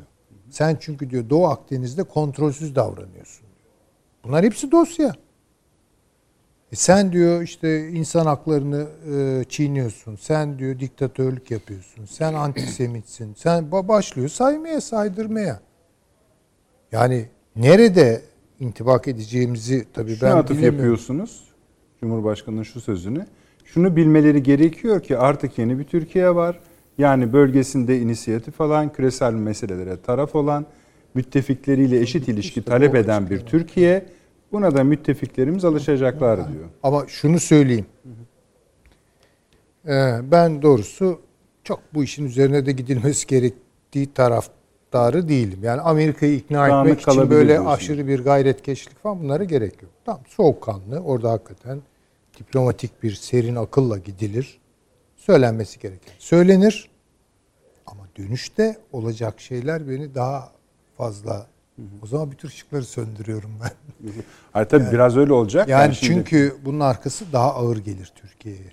Ben Tabii. söyleyeyim. Yani şunu da söyleyelim. Ben o zirvedeki buluşmadan hani böyle herkesin elleri dolu Yok, dolu yok. iyi ya da kötü sonuçların gözümüze batacak Ama şekilde bu çıkacağı bir zirve, tablo olmaz. Ama bu zirve sadece Türkiye açısından değil. Ama sonra- Almanya açısından filan da. Tabii Ama geleceğiz oraya. Ama sonra iki ülkenin birbirine davranışlarına bakarak biz ne orada ne Ee, yaşandığını işte yani anlayacağız.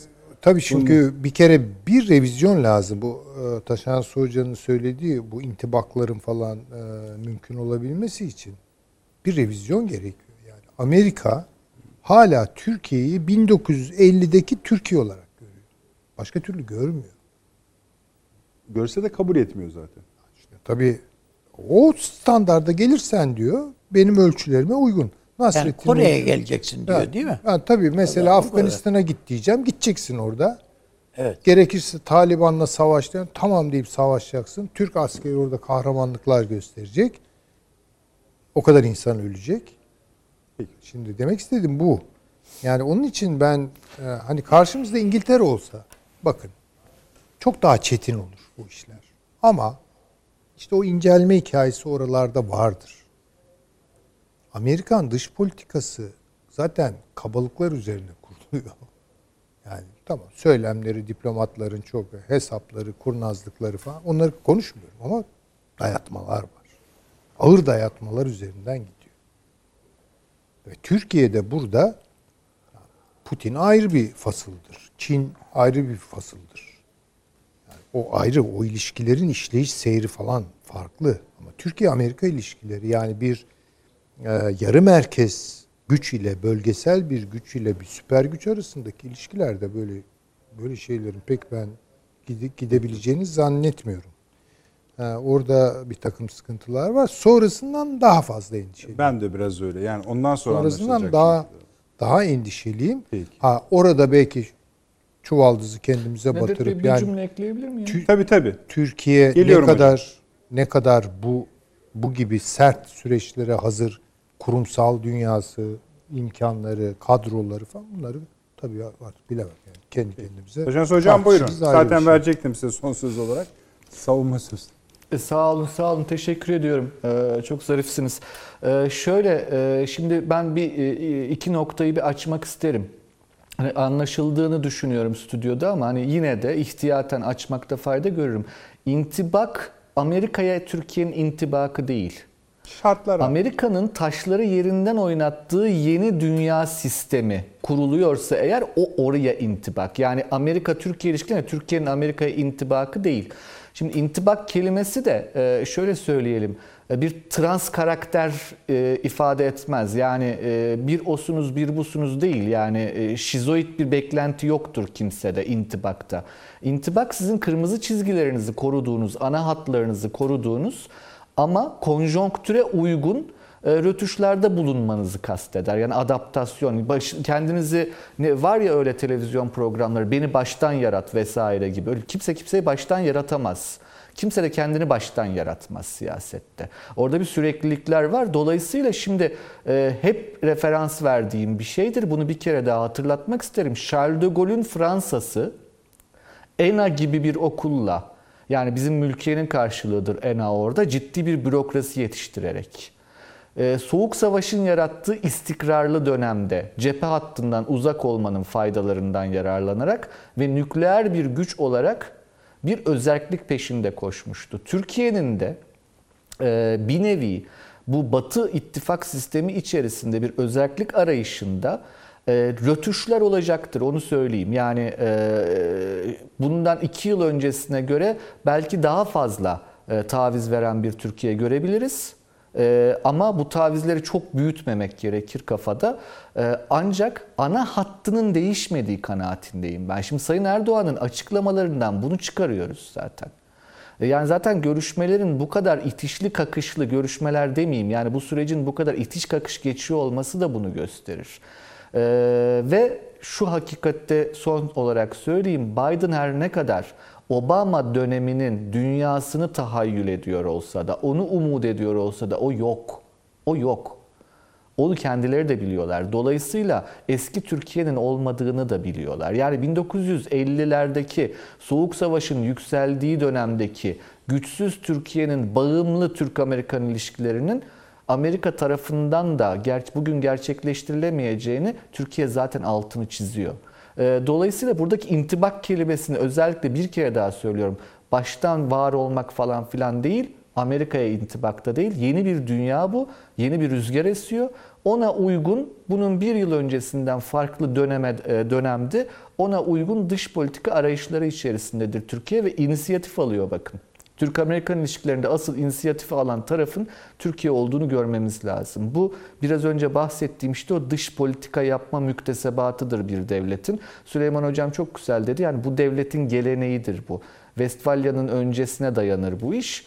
E, bu işi şeye kadar götürürsünüz, Büyük Selçuklu'ya kadar götürürsünüz. Öyle e, acemilik yapmayacağına dair bir inancım vardır benim. Ha ama bunun kadroları, iç kapasitesi, ekonomik kapasitesi, e, bürokratik kapasitesi konularında e, tabii ki sıkıntılar olduğu açık. Yani özellikle de bürokratik kapasitede ve entelektüel kapasitede sıkıntılar olduğunu hep söylüyoruz zaten bu programda. Peki E, hocam. Ama bunlar hani toptan baktığınızda e, büyük bir zaaf e, yaratmaz diye umut ediyorum. Tavizler için bir şey söyleyecek misiniz? Erman? Şöyle yani ben bir tek noktada e, Taşans Hoca'ya şöyle iştirak edebilirim. E, bütününde değil de biz zannediyoruz ki kendi ülkemizi birazcık hor gördüğümüz için biz bizim kurumsal yapımızda bir sıkıntılarımız var. Bir tek bizde var zannediyoruz. Halbuki Amerika'da da var. Yani yerle bir oldu işte. Adamın parlamentosunu bastılar ya. Öyle. Yani e, bir aşıyı ne nedenden sonra becerebildi. Yok maske taktıydın da takmadıydın da değil Öyle. mi? Trump dönemindeki kavgaları video. Sonuçta 500 binden filan. fazla insan. Ya hatırlatalım. Ya hatırlayalım. Dolayısıyla orada da kurumsal kavgalar var. Pentagon'la Dışişleri Var. Bakanlığı arasında itiş kalkışlar, kavgalar, dövüşler. Yani bunların hepsi var yani. Dolayısıyla e, tek bir Amerika yok. Tabii ki tek bir Türkiye'de yok yani. Bizim buradaki şeyimiz mesela e, Biden Türkiye'ye geldiğinde seçim öncesi Türkiye'ye geldiğinde işte biz zaten Erdoğan'ı da istemiyoruz. Yani işte muhalefetle çalışacağız filan filan diye açık açık adam devireceğiz biz sizi diye söyledi filan. Niyeti bu olma ol, bu niyeti de bu. Yani söz burada bunu söylerken samimi olduğunu böyle düşündüğüne de inanıyorum ben adamın. Ama şartlar bazen böyle kucaklaşmayı gerektirebiliyor. İster sev, ister sevme yani fark etmiyor. Netice itibariyle e, karşı karşıya böyle getirebilir. Neredeyse Stockholm sendromuna bağlayacaksınız. E, e, şu yani e, adam işte soykırım bilmem ne filan demeden önce bile seni arıyor. Ya diyeceğim ama yani filan filan diyor. Söylüyor tabii. O Efendim, doğru. Şunu, o doğru. Şunu da şöyle yapsak O doğru, falan diye. doğru. Yani yoksa eski Amerika dediğin o kurumsal yapının hakim olduğu Amerika o e, Kennedy Türkiye'ye sordu mu Jüpiter füzelerini kaldırırken? Arkadaş yani kusura bakma seni koruyorduk ama yani ne yapalım? Ben anlaşmak zorundayım. Bu füzeleri çekeceğim. Hayır demedi. Önce anlaştı füzeleri çekiyoruz dedi. Bitti gitti Öyle aynen öyle oldu. gibi. Yani orada paldır küldür geliyorlardı üstümüze. Şimdi pek öyle paldır küldür olur gibi görünmüyor. Olağan şeyde biz mesela bir beş ay öncenin e, Akdeniz'inde Amerika'nın haline bir baktığımızda Türkiye'ye savaş ilan edecek gibiydi yani bunlar. Öyle değil mi yani? Uçak gemileri bilmem neler ne tankı topu nesi varsa aldılar geldiler yani Yunanistan'a. Tabii şimdi Peki. bilmiyoruz. Onlar ikinci el uçaklar olduğunu filan şimdi anlıyoruz ama yani ben onun için bu 14'ünde e, biz eğer kartları düzgün oynarsak Türkiye'nin geri adım atmayacağının atamayacak durumda olduğunu. Tayyip Erdoğan'ın da alanı dar. Hani yerim dar diyorsun ya yani işte Tayyip Erdoğan için de öyle. Nereye geri adım atacak? Yani dö- S-400'leri verdim gitti mi? Böyle bir şey var mı? Bu eksi yazıyor. Kıbrıs'tan çıktın mı diyor. Hayır. Doğu Akdeniz'den çekildin mi diyecek. Hayır. Hiçbirisini diyemeyecek durumda ta- ta- Erdoğan'da. Bunu karşı tarafta kö- kör izansız değil bunlar da görüyorlar yani. Efendim bir reklama gidelim. Geciktirdik süresini. Hemen geleceğiz yine.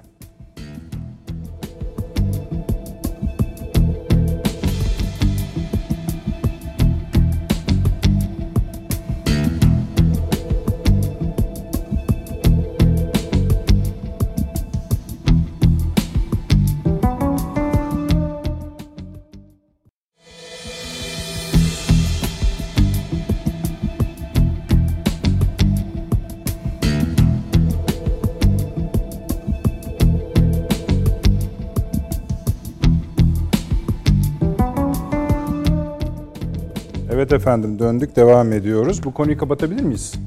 Evet. Yani zaten daha çok konuşacağız.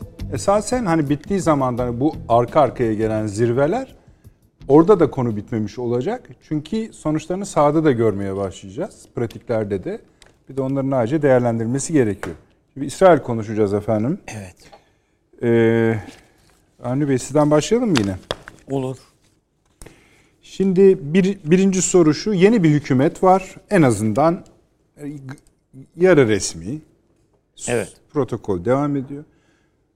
Netanyahu gitmiş gözüküyor. Yeni cumhurbaşkanı geldi. İsrail'de bayağı bir şey değişiyor. Ee, hükümet dediğim gibi yamalı bohça bir koalisyondan oluşuyor. Birinci sorum şudur efendim. Ee, bizle ilişkisinde ne anlama gelebilir? İki, bölgedeki gelişmelerde nasıl bir etkisi olacaktır? Özellikle Filistin meselesidir, İbrahim anlaşmaları konusudur, Mısır meselesidir, Orta Doğu'nun yeni düzenidir, enerji politikalarıdır. Oradan bir giriş yapalım. Sonra da belki Süleyman Hoca'ya geçmeden bir Taşan Hoca'ya gidip yani teknik bir döküm alabiliriz. Belki o işimize yarayacaktır. Buyurunuz hocam. Ben e, birincisi es, es- şeyin e, mecellenin bir kuralı değil mi? Mani zahil olunca memnu avdet eder. Yani Netanyahu'ydu mani olan ilişkilere. O derece Yani önemli. E tabi yani bütün bu Filistin e, aleyhtarı politikaların sembol şey gibiydi Türkiye'nin gözünde. Yani bizim şeytanımız o. İsrail bölgesinde. E şimdilik böyle daha henüz beyaz yeni bir sayfa açmış olan bir adamlar geliyor. Filan. Dolayısıyla Türkiye'nin ilişkilerini açısından e, yani yine böyle nispeten rahatlatabilecek bir yeni hükümet söz konusu. Nitekim bunun farkında olarak da Türkiye'nin Dışişleri Bakanı dün e, yumuşak bir açıklama yaptı. Eğer yani böyle böyle eğer işler de bu eski politikayı terk ederlerse e, Söyleyeceğim yani sadece bizimle değil herkesle ilişkileri düzelir filan gibi cümleler kullanarak filan. Bu işin bir tarafı. Yani Türkiye ilişkileri zaten düzeltmeyi e, belli bir normalleşme dediğimiz tabloyu zaten arzu ediyordu. Hatırlarsanız İşte bu şartları siz bununla uygun zaman olarak mı görüyorsunuz? Yani onu gören bir zaman ben evet zamanlama Aha, anladım. olarak uygun diyorum. Yani ko- Ama anladım. hemen hemen tabii şu anda bu hafta yarın bir gün anlamında değil tabii. Ama şartların daha bu Netanyahu dışında daha uygun olabileceğini düşünüyorum. Zaten buraya Enerji Bakanı gelecekti falan değil mi? Yani Evet. o, o seviyede e, bir ilişki şeyi zinciri tamamlanacaktı diye düşünüyorduk ki Gazze saldırısı e, başladı. Ondan sonra iyiye e, iş dallanıp budaklandı. İkinci olarak söylemek istediğim şey şudur. Hani Netanyahu gitti. Acaba demek lazım. Yani az önce programı açarken de siz de söylediniz. Kurulan hükümet hükümet filan değil yani. Yani bunu buna yamalı bohça diyoruz ama keşke yine de bir bohçadır yani yamalı da olan da. Bu öyle değil ki sadece yani. yama var e, diyorsunuz. E burada sadece yamalar var sadece. Doğru vallahi. Dolayısıyla bir fiskeye bakıyor bu hükümetin dağılması. Ya o zaman madem öyle şey yaptınız Ha. ben şunları bir söyleyeyim izleyicilere Evet. çok kısa. Şimdi efendim 1, 2, 3, 4, 5, 6, 7, 8 hatta par. Gelecek Partisi 17 Evet. milletvekili. Mavi Beyaz Partisi 8 milletvekili. Havoda 8 milletvekili. İsrail Evimiz Partisi 7 milletvekili. Meretz 6 milletvekili. Yemine yani Sağ Partisi 6, Yeni Umut Partisi 6, Ram yani işte İslamik Parti diyelim 4 milletvekili. Bu 4 milletvekili olmadı mı da gidiyor yani şey. Tabii. Hükümet gidiyor. Bunların oluşumundan ki sadece milletvekillerinin azlığıyla çokluğuyla yamalı değil. Siyaseten de uç noktalar. Bir tek Tabii canım, neredeyse uzlaş- bir tek noktaları var. Netanyahu Yani istemiyor. istemiyorlar. O, o kadar. Buyurun. Yani bizim biraz e, millet Anladım, ittifakına anladım. benzer gibi bir durum var. Anladım sizi. gibi. Yani e, onun için ben çok emin olmamak lazım Netanyahu'nun gittiğinden. Netanyahu Doğru. tekrar gelmek isteyebilir. O, o, onun düşünebileceği bir takım hamleler e, çok çok da zor değil gibi görünüyor bu kurulacak olan koalisyon yapılan yapısında. Ee, tabii inşallah yanılırız yani o konuda. Ee, zayıf bir İsrail hükümetinin orada hakim olması Türkiye'nin işine gelir. Sadece Türkiye'nin değil, bütün dünyanın işine gelir yani diye düşünüyorum açıkçası. Tamam. Şeyi de söyleyeyim Taşan Hoca'ya geçmeden önce. Sayın Dışişleri Bakanı'nın sizin bahsettiğiniz e, konuşmasında geçen bu yeni İsrail ile ilgili diye de bağladığınız Evet. konu şu. Beş tane madde söyledi efendim Sayın Çavuşoğlu. O maddeleri nasıl bulursunuz diye biz size söyleyelim. Bir, dedi ki İsrail'in Filistin'e yönelik saldırıların durdurulması gerekiyor. İki, iki devletli çözümü aşındıracak adımlardan vazgeçilmesi gerekiyor. Üç, barış sürecine tekrar dönmesi gerekiyor. 4. İsrail özellikle son zamanlarda illegal yerleşimleri arttırdı ve Filistinlerin topraklarını gasp etmeye devam ediyor. Dün ve bugün yani evvelsi gün için söylüyor. Yine illegal yerleşim konusunda adım attılar. Dışişleri Bakanlığı olarak bu konuda bir açıklama yaptık. İsraillerin bu po- politikadan vazgeçilmesi, vazgeçmesi gerekiyor. Aslında birinci maddeye eklenebilir bu. Sonu 5. Ayrıca Kudüs'ün statüsünü aşındıracak adımlardan da vazgeçmesi gerekiyor. Şimdi böyle baktığınızda aslında hani böyle gayet gergin ilişkilerin olduğu bir ülkeye göre hani daha yumuşak. Yumuşak. Bir tek işte Tabii, tabii, buyurun. Taşan Hoca'ya geçmeden onu söyleyeyim. Yani e, bir takım yerleşim yerleri ile ilgili olarak İsrailliler veyahut o göçmen İsrailliler ellerinde şey alev makinalarıyla veyahut da efendim işte e, Molotov kokteylleriyle falan bekliyorlar, evleri yakıyorlar. Yani, yani bir an evvel burayı boşaltın biz oturacağız diye. Hatta eğer doğruysa ellerinde 1948'lere falan şey yapan tapular var. Yani bunlar hakiki tapular değil. Yani biz, bizde vardır ya tapu ta- tahsis belgesi falan gibi. Yani o tür numaralar var. Ya var. Bunları tapu zannediyor ve yani ama onu ka- evet bu geçerlidir ya da geçersiz diyecek olan İsrail'in kendisi olduğu için aa bunlar çok sağlam belgeler falan zannediyor diyor onlar da. Peki. Taşansı Hocam buyurunuz.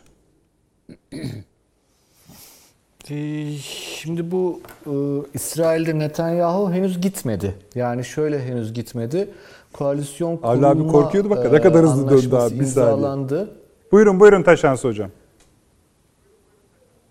Anlaşma imzalandı partiler arasında fakat güven oyu alınmadı e, henüz meclisten. Onun günü Şimdi, var. e, son bir çabası e, günü yok, günü yok. Yani günü şöyle yok. e, Meclis Başkanı Netanyahu'ya yakın bir isim e, ve meclisi yani Knesset'i toplatmayarak güven oyunu erteletmeye çalışıyor Netanyahu şu an. İşte bize benziyorlar. Ee, ya bu orada kazandığı zamanla da e, özellikle Yemine Partisi'nin içinden bu şu an başbakan olması beklenen Bennett'ın partisi e, ki saydığınız listede de göreceksiniz en altlarda en az milletvekiline sahip partilerden bir tanesi Yemine aslında ama Lapid ilk iki yıllık başbakanlık hakkını ona devretti Evet. e, koalisyona katılması için ama parti içinde e, bir tane isim var zaten o ben oy vermeyeceğim dedi. E, o zaten Netanyahu'nun adamı çıktı. Yani e, öyle kendi adamını da sokmuş Netanyahu ilginç bir şekilde. Çok kirli İsrail siyaseti gerçekten çok kirli. Ama bu zaman kazanarak e, bir şekilde e, milletvekili satın alma işi yani Güneş Otel muhabbetleri falan görebiliriz orada. E, onu akılda tutmak lazım. Ya ben e, şey güven oyu almadan Netanyahu gitti diyemiyorum. Yani konu Netanyahu olunca e, o kadar rahat konuşamıyorum.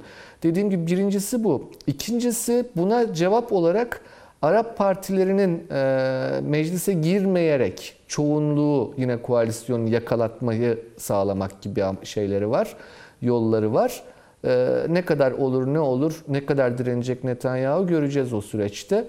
Ama hani beni asıl kaygılandıran şey İsrail güvenlik bürokrasisinin e, çok fazla e, Likudlaşmış olması. Yani Likud'un e, bu 11 yıllık iktidarda e, 11-12 yıl oluyor artık neredeyse güvenlik bürokrasisini partiye bağlı hale getirmiş olması. Yani bu e, bu bir risktir. Yani İsrail demokrasisi kurulduğu günden beri böyle bir risk yaşamadı ama ben ilk kez e, böyle bir riskin olduğunu düşünüyorum. Hani e, o bürokrasinin farklı hamleleri olabilir mi? Olabilir. Çünkü beka sorunu diyor Netanyahu İsrail'in. Çünkü diyor bu yeni gelen hükümet diyor İran'ın diyor nükleer silah yapmasını engellemeyecek. Gidip Biden'ın anlaşmasına onay verecekler diyor. Ama diyor ben gerekirse Amerika ile de kapışmaya hazırım İsrail'in çıkarları için. Bu yani şeyde İsrail iç siyasetinde kitleler düzeyinde olmasa da bürokraside e, ciddi yarılmalara sebep olabilecek bir söylem gerçekten. E, durum bu. E, yani 9-8'inde meclisin toplanması ve güven oyu 9'unda işte koalisyon protokolünün pardon 8'inde koalisyon protokolünün ilanı 9'unda ise güven oyunu hedefliyor Lapid ve Bennett. Ancak işte bu iki risk yani toplanamaması, Knesset'in toplanamaması birinci risk. ikincisi güvenlik bürokrasisinden gelebilecek tepkileri de ihtirazi kayıt olarak düşmüş olayım ama normal koşullarda ayın 9'unda yeni hükümetin kurulmuş olduğunu göreceğiz. Dün biliyorsunuz yeni cumhurbaşkanını seçti Knesset. Orada bir uyum vardı. Herzog seçildi. Herzog da şey eski İşçi Partisi Genel Başkanı yani devletin kurucu partisi ve bir şekilde devlet bürokrasisiyle içli dışlı olan bir partidir. O aklı temsil eder. Aynı zamanda Yahudi Ajansı'nın başkanı idi seçilmeden önce. Yahudi Ajansı da İsrail'de bir şey gibidir, paralel devlet gibidir. Yani bir İsrail devleti vardır, bir de Yahudi Ajansı vardır anayasada belirlenmiş. O dış Yahudilerle de ilgili olan yani İsrail dışındaki Yahudilerle de ilgili olan büyük bir organizasyondur gerçekten. Çok saygındır İsrail'de. Onun başkanı olarak Cumhurbaşkanı seçildi. Şimdi yeni kurulan hükümet bu saydığım iki ihtimal gerçekleşmez inşallah ve kurulursa bu hükümet bir defa söylediğiniz gibi çok bıçak sırtı bir dengede bir hükümet bu işte iki yıl rotasyonlu başbakanlık olan, e, içinde yerleşimciliği savunan yani hem Batı Şeria'ya hem Kudüs, Doğu Kudüs'e yerleşimleri savunan Bennett'ın başbakan olduğu ama bunun karşısında Meretz gibi e, sosyalist bir partinin de ya da Hamas'a yakın Ra'an Partisi'nin de içinde olduğu bir koalisyondan bahsediyoruz. Yani e, gerçekten çok zor bir koalisyon. Ne kadar sürdürülebilir o da başka bir tartışma konusu.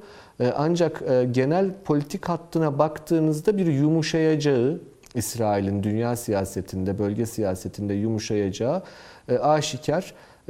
Ben o anlamda Bize faydası... Sayın Çavuşoğlu'nun açıklamasına da baktığımda bize faydası şudur efendim. Yani çok keskin, agresif ve hızlı kararlar alabilen bir yapı olmayacak. Bu bunu fayda olarak değerlendirebilirsiniz ama içinde riskler de barındırdığını da akıllarda tutmak lazım böyle bir yapının. Ee, çünkü e, barışı da beceremez böyle bir yapı. Hani çatışmayı beceremez, barışı da beceremez. Barışı beceremeyen beceriksizce Doğru. çatışır vesaire gibi şeyler. E, bunları hesaplamak lazım. E, ancak bu Doğu Akdeniz hocam ya da ya da tam Pardon Taşansı hocam. Hocam ya da tam tersi olabilir Buyurun. mi? Yani biz Netanyahu'dan daha şeyiz, ateşliyiz diye başa bela kesilebilirler mi? Yani onu sanmıyorum üstadım. Şundan sanmıyorum. Çünkü içeride Meretz var, İşçi Partisi var, e, işte e, Mavi Beyaz var, e, Müslüman kardeşler var. Yani o kadar keskinleşemez. Ama oradaki ilk çatışma alanı yani koalisyon içi çatışma alanı yerleşimler olacaktır. Çünkü Bennett çok açık yerleşimcilik taraftarı olarak zaten siyaseten var olan bir isim. Ee, yani bu Doğu Kudüs e, ve Batı Şeria'daki yerleşimler konusu koalisyonun ilk e, çatışma noktalarından olacak gibi görünüyor. Yani iç çatışma noktalarından olacak gibi görünüyor. Şimdi Sayın Çavuşoğlu'nun açıklamasında da vurguladığı hususlara baktığınızda Filistin'e saldırmayı durdur, durdurdu. İki devletli çözümün önünde engel çıkarma zaten uluslararası hukuka göre ve hatta İsrail hukukuna göre iki devletli çözümün önünde engel çıkarmaması gerekir. Netanyahu orada istisnaydı. Ee, diğeri e, yerleşimler konusunda e, durdur. Zaten uluslararası hukuka göre öyle. E, diğeri e, Doğu Kudüs'ün statüsü konusunda işi muğlaklaştırma. E zaten öyle. Yani dolayısıyla baktığınızda e, Türkiye'nin resmi olarak İsrail'e daveti tek kelimeyle, tek cümleyle özetlenebilir. Uluslararası hukukun gereklerini yerine getir diyor. Yani bu çok e, genel bir çerçeve ama e, somut olarak da zaten içeriği belli. E, dolayısıyla orada Biden'ın estirdiği rüzgar bu hükümet değişikliğini yarattı. Bunu akılda tutalım. E, ve Biden'ın beklediği bir şey var İsrail'den. Şimdi hep iki devletli çözüm, iki devletli çözüm deniyor ama bakın bu çok önemlidir. Şimdi oraya baktığımızda Gazze ve Filistin tamam. Gazze ve Batı Şeria okey. Burası Filistin. Ama bir de İsrail'in içinde 2 milyon Arap var. Biden'ın istediği iki devletli çözüm. Bir, iki, çok kültürlü bir İsrail. Yani Netanyahu'nun arzu ettiği e, Yahudi Devleti Kanunu, 2018'deki Yahudi Devleti Kanunu'yla e, oluşturulan e, tekçi monist yapıya hayır diyor olmaz. Amerika gibi çok kültürlü ol çok etnili ol, da daha demokratik ol vesaire telkini bu yönde Biden yönetiminin. Yani iki devletli çözümü de aşan başka bir şey var. Netanyahu'nun aldığı oyun e, altında yatan sebep buydu zaten. Yani şunu söylüyordu. İki devletli çözüm okey. Kurtulacak mıyız Araplardan diyordu. Yo içimizde de var. Bir de bunları istiyorlar. Ne istiyorlar? Bizim Yahudi devleti olmamamızı istiyorlar. O zaman biz burada ayakta kalamayız diyordu. Şimdi dolayısıyla orada bir bu post-Siyonizm tartışmalarını hatırlamak gerekir. Yani Siyonizmin yeniden yapılandırılması, Siyonizmin kendi içindeki tartışmalar e, bunları uzun uzun daha önceki programlarınızda anlatmıştım o yüzden tekrar etmeyeceğim.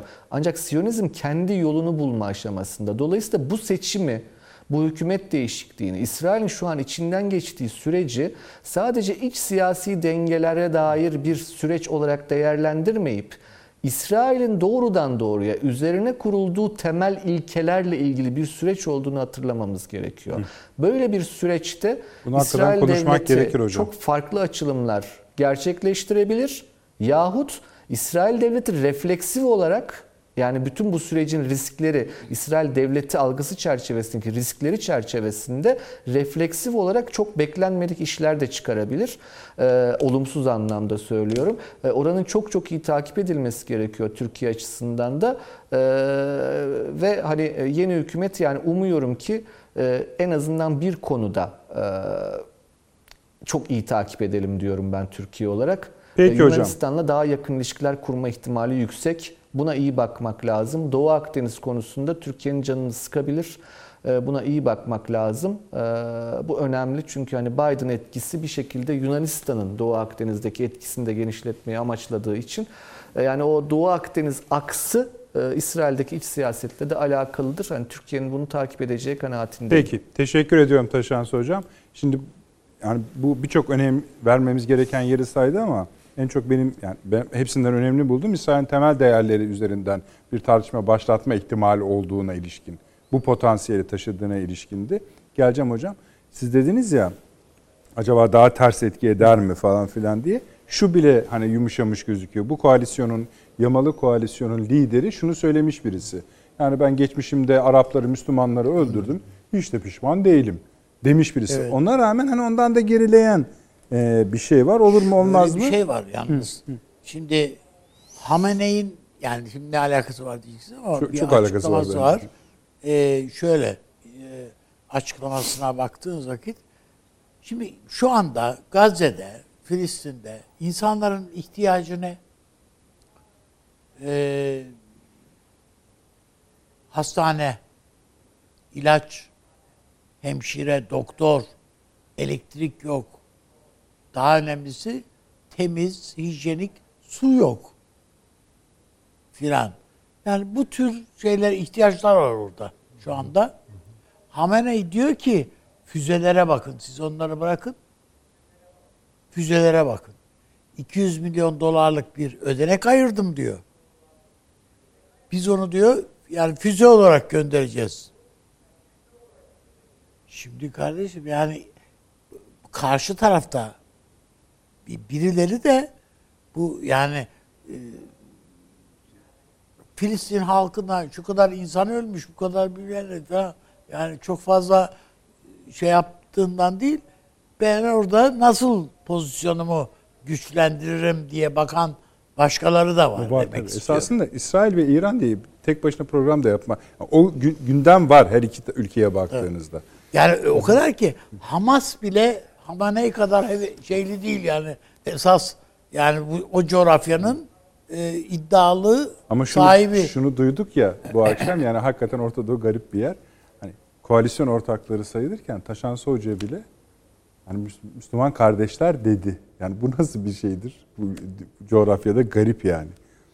Ee, siz buradan başlamak ister misiniz şu temel İsrail'in temelleri üzerinden yeni bir potansiyel meselesinden? Ha şeyi de ekleyeyim özür dilerim. Biden biraz önce bir açıklama yaptı.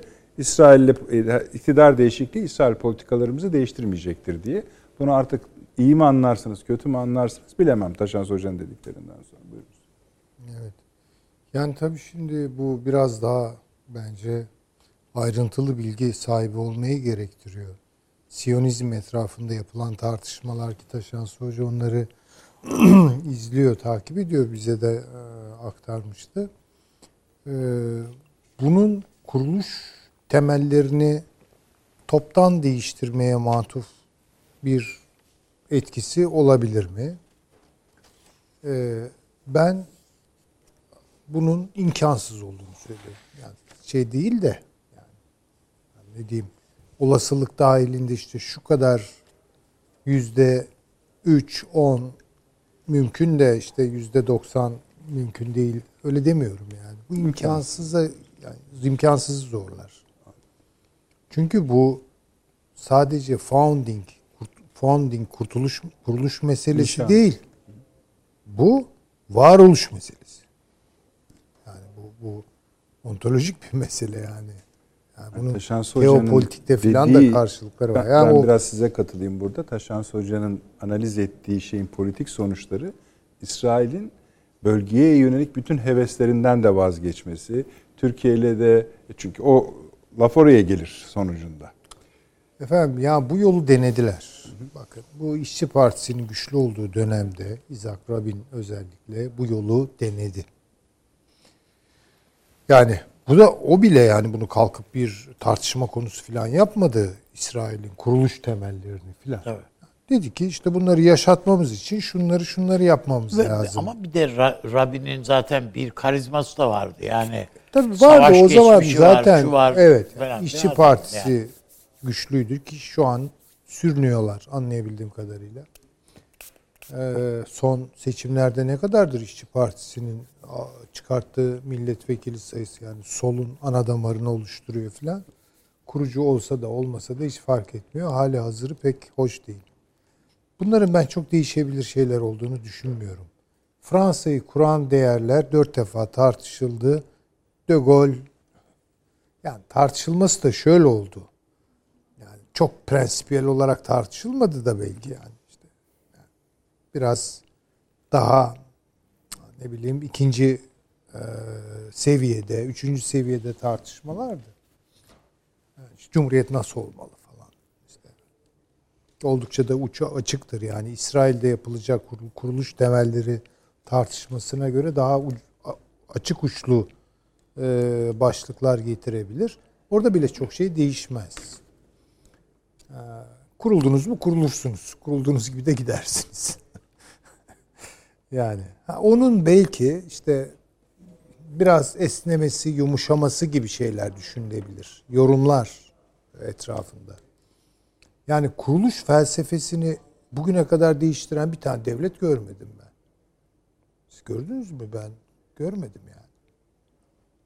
Mesela Rus devleti e, korkunç Ivan Petro arkasından tamam. Hala da hocam. Hala odur yani. hala. Koca bir devrim olmuştur.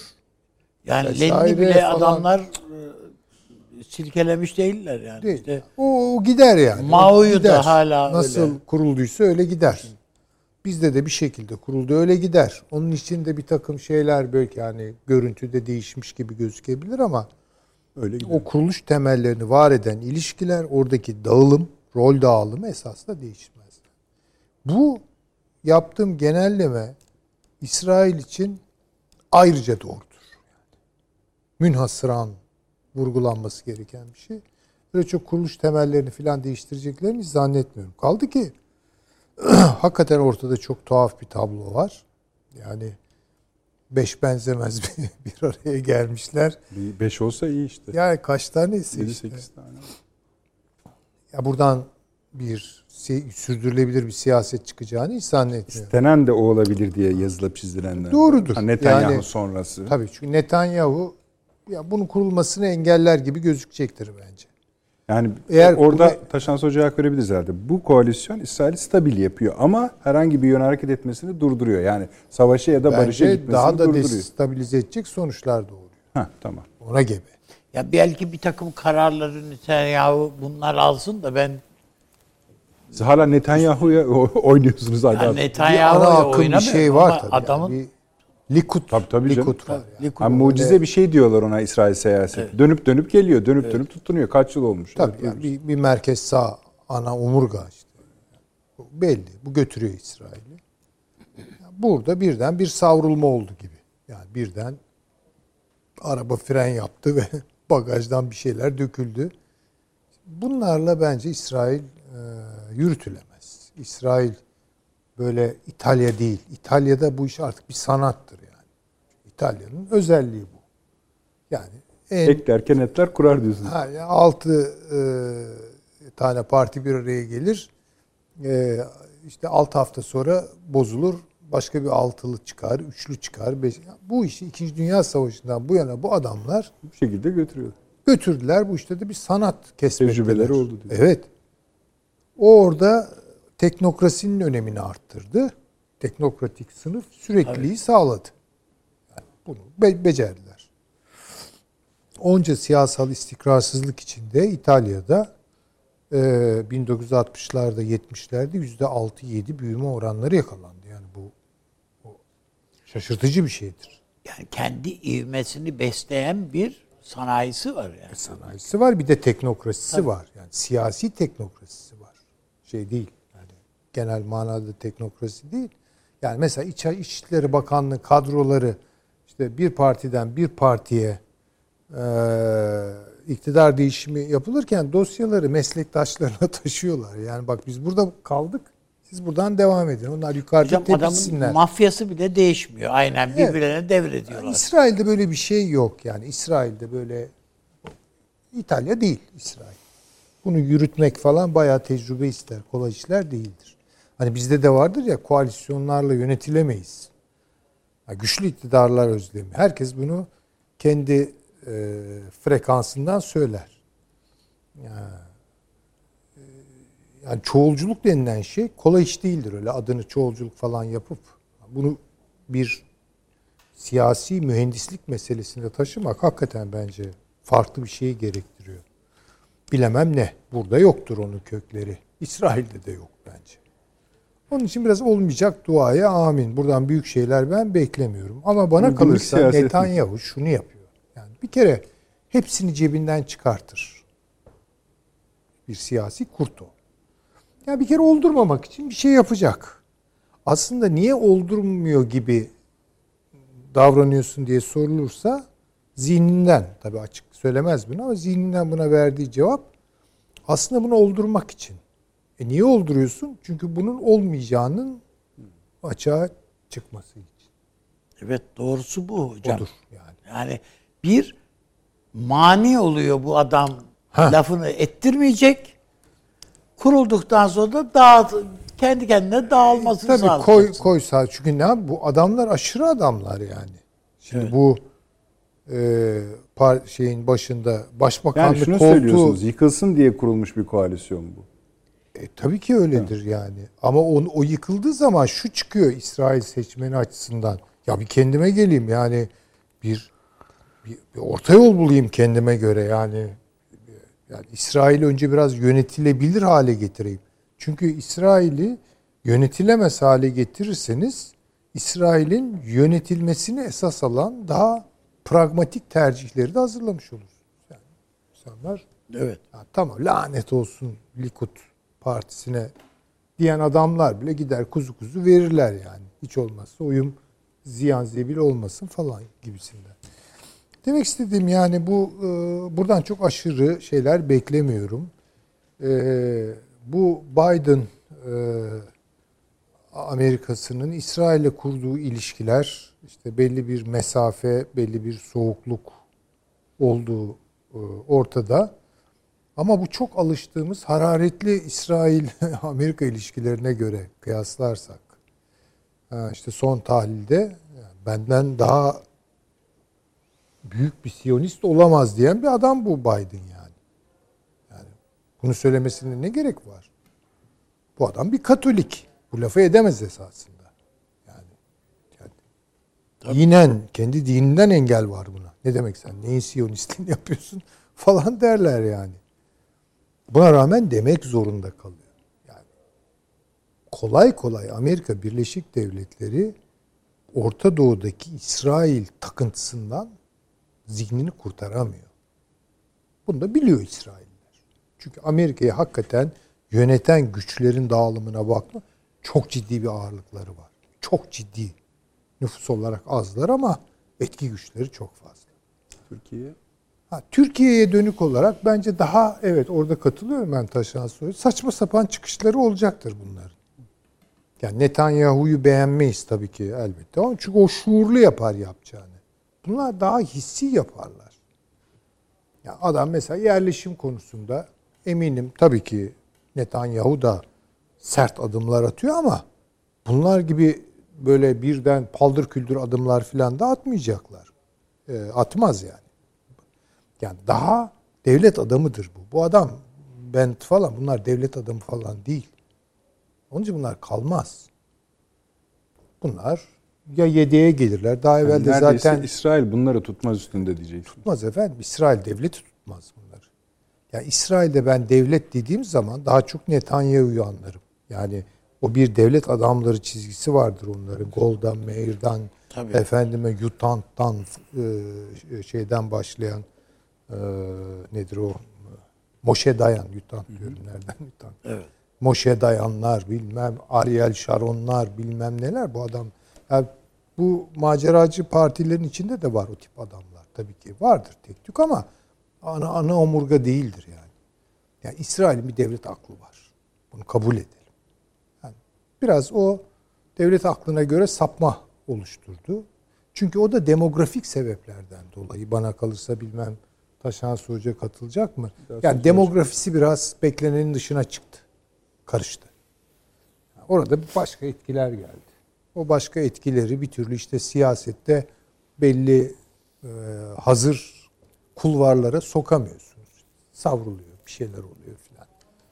Yani bir- bunun alt, a- şeyinden kalkacaklardır. e, altından kalkacaklardır. Ben en çok şunu merak Dış siyaset açısından e, işte mesela bakın çok ilginç bir şey söylüyor orada Netanyahu. Bu adamlar diyor o kadar dar görüşlü adamlar ki diyor.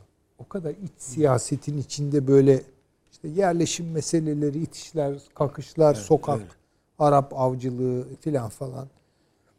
Öyle adamlar ki diyor. Onlar dünyayı okuyamazlar diyor ve göz göre göre diyor bu cehaletleriyle İran'ın nükleer güç sahibi olmasına engel olmayacaklar. Hatta imzalarlar diyor. Hatta imzalarlar diyor. Çünkü bunların dertleri o değil. Çünkü bunların dertleri işte Yahudi şeriatı yeteri kadar uygulanıyor mu, uygulanmıyor mu falan filan yani. Bu olası Filistin'e yönelik şair politikaları Biden'ın istediği gibi bir yön çizebilir mi? Onu daha kuvvetli buluyorlar. Ki ne Yani şu anda biraz İsra yani Ram Hoca dedi ya mi? demin hani mesela Biden dedi bu zamana kadar ki en sert İsrail'e tavır gösteren başkan dedi. O sizin dediğiniz anlamda söylemiyor sanırım. Bu hani Tabii, şu anda tabii. orada bir stabilizasyon Ben arıyormuş çok gibi. sertlikle açıklayamıyorum onu. Ee, bir mesafe alma diyebiliriz. Bunu kabul ederim. Yani çünkü e, evanjelik düşünceyle e, kıyaslandığı zaman Katolik damarın bazı şeyleri vardır.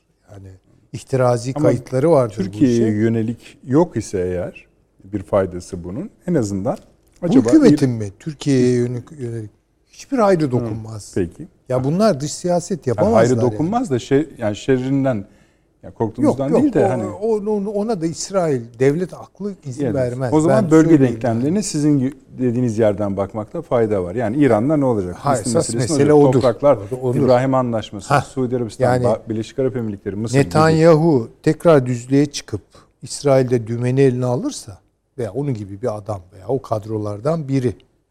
İşte bu hakikaten Amerika Birleşik Devletleri ile İsrail'in arasında bir bayağı bir evet. gerilime, İsrail ile İran arasındaki ilişkilerin nereye seyredeceğine dair belirsizliklere evrilir. Yani Netanyahu Bunu olsa. İsrail'i vurabilirdi de. Be- İran'ı. İran'ı. İran'ı. Ben zaten bunu hep dile getiriyorum. Yani bakın bunca gelişmeye rağmen hala dile getiriyorum. Böyle bir ihtimal var. Zayıflıyor bazen, bazen Ama güçleniyor yaşıyor ama, diyorsun. hiçbir zaman çöpe gitmiyor bu ihtimal. O zaman şuna da bağlayayım. Yani son zamanlarda sıklıkla İran'da bir takım garip olaylar oluyor. Bunlardan bir tanesi mesela evvelsi gün en büyük savaş gemi yani donanmasının en büyük gemilerinden birisi yanarak battı. Evet.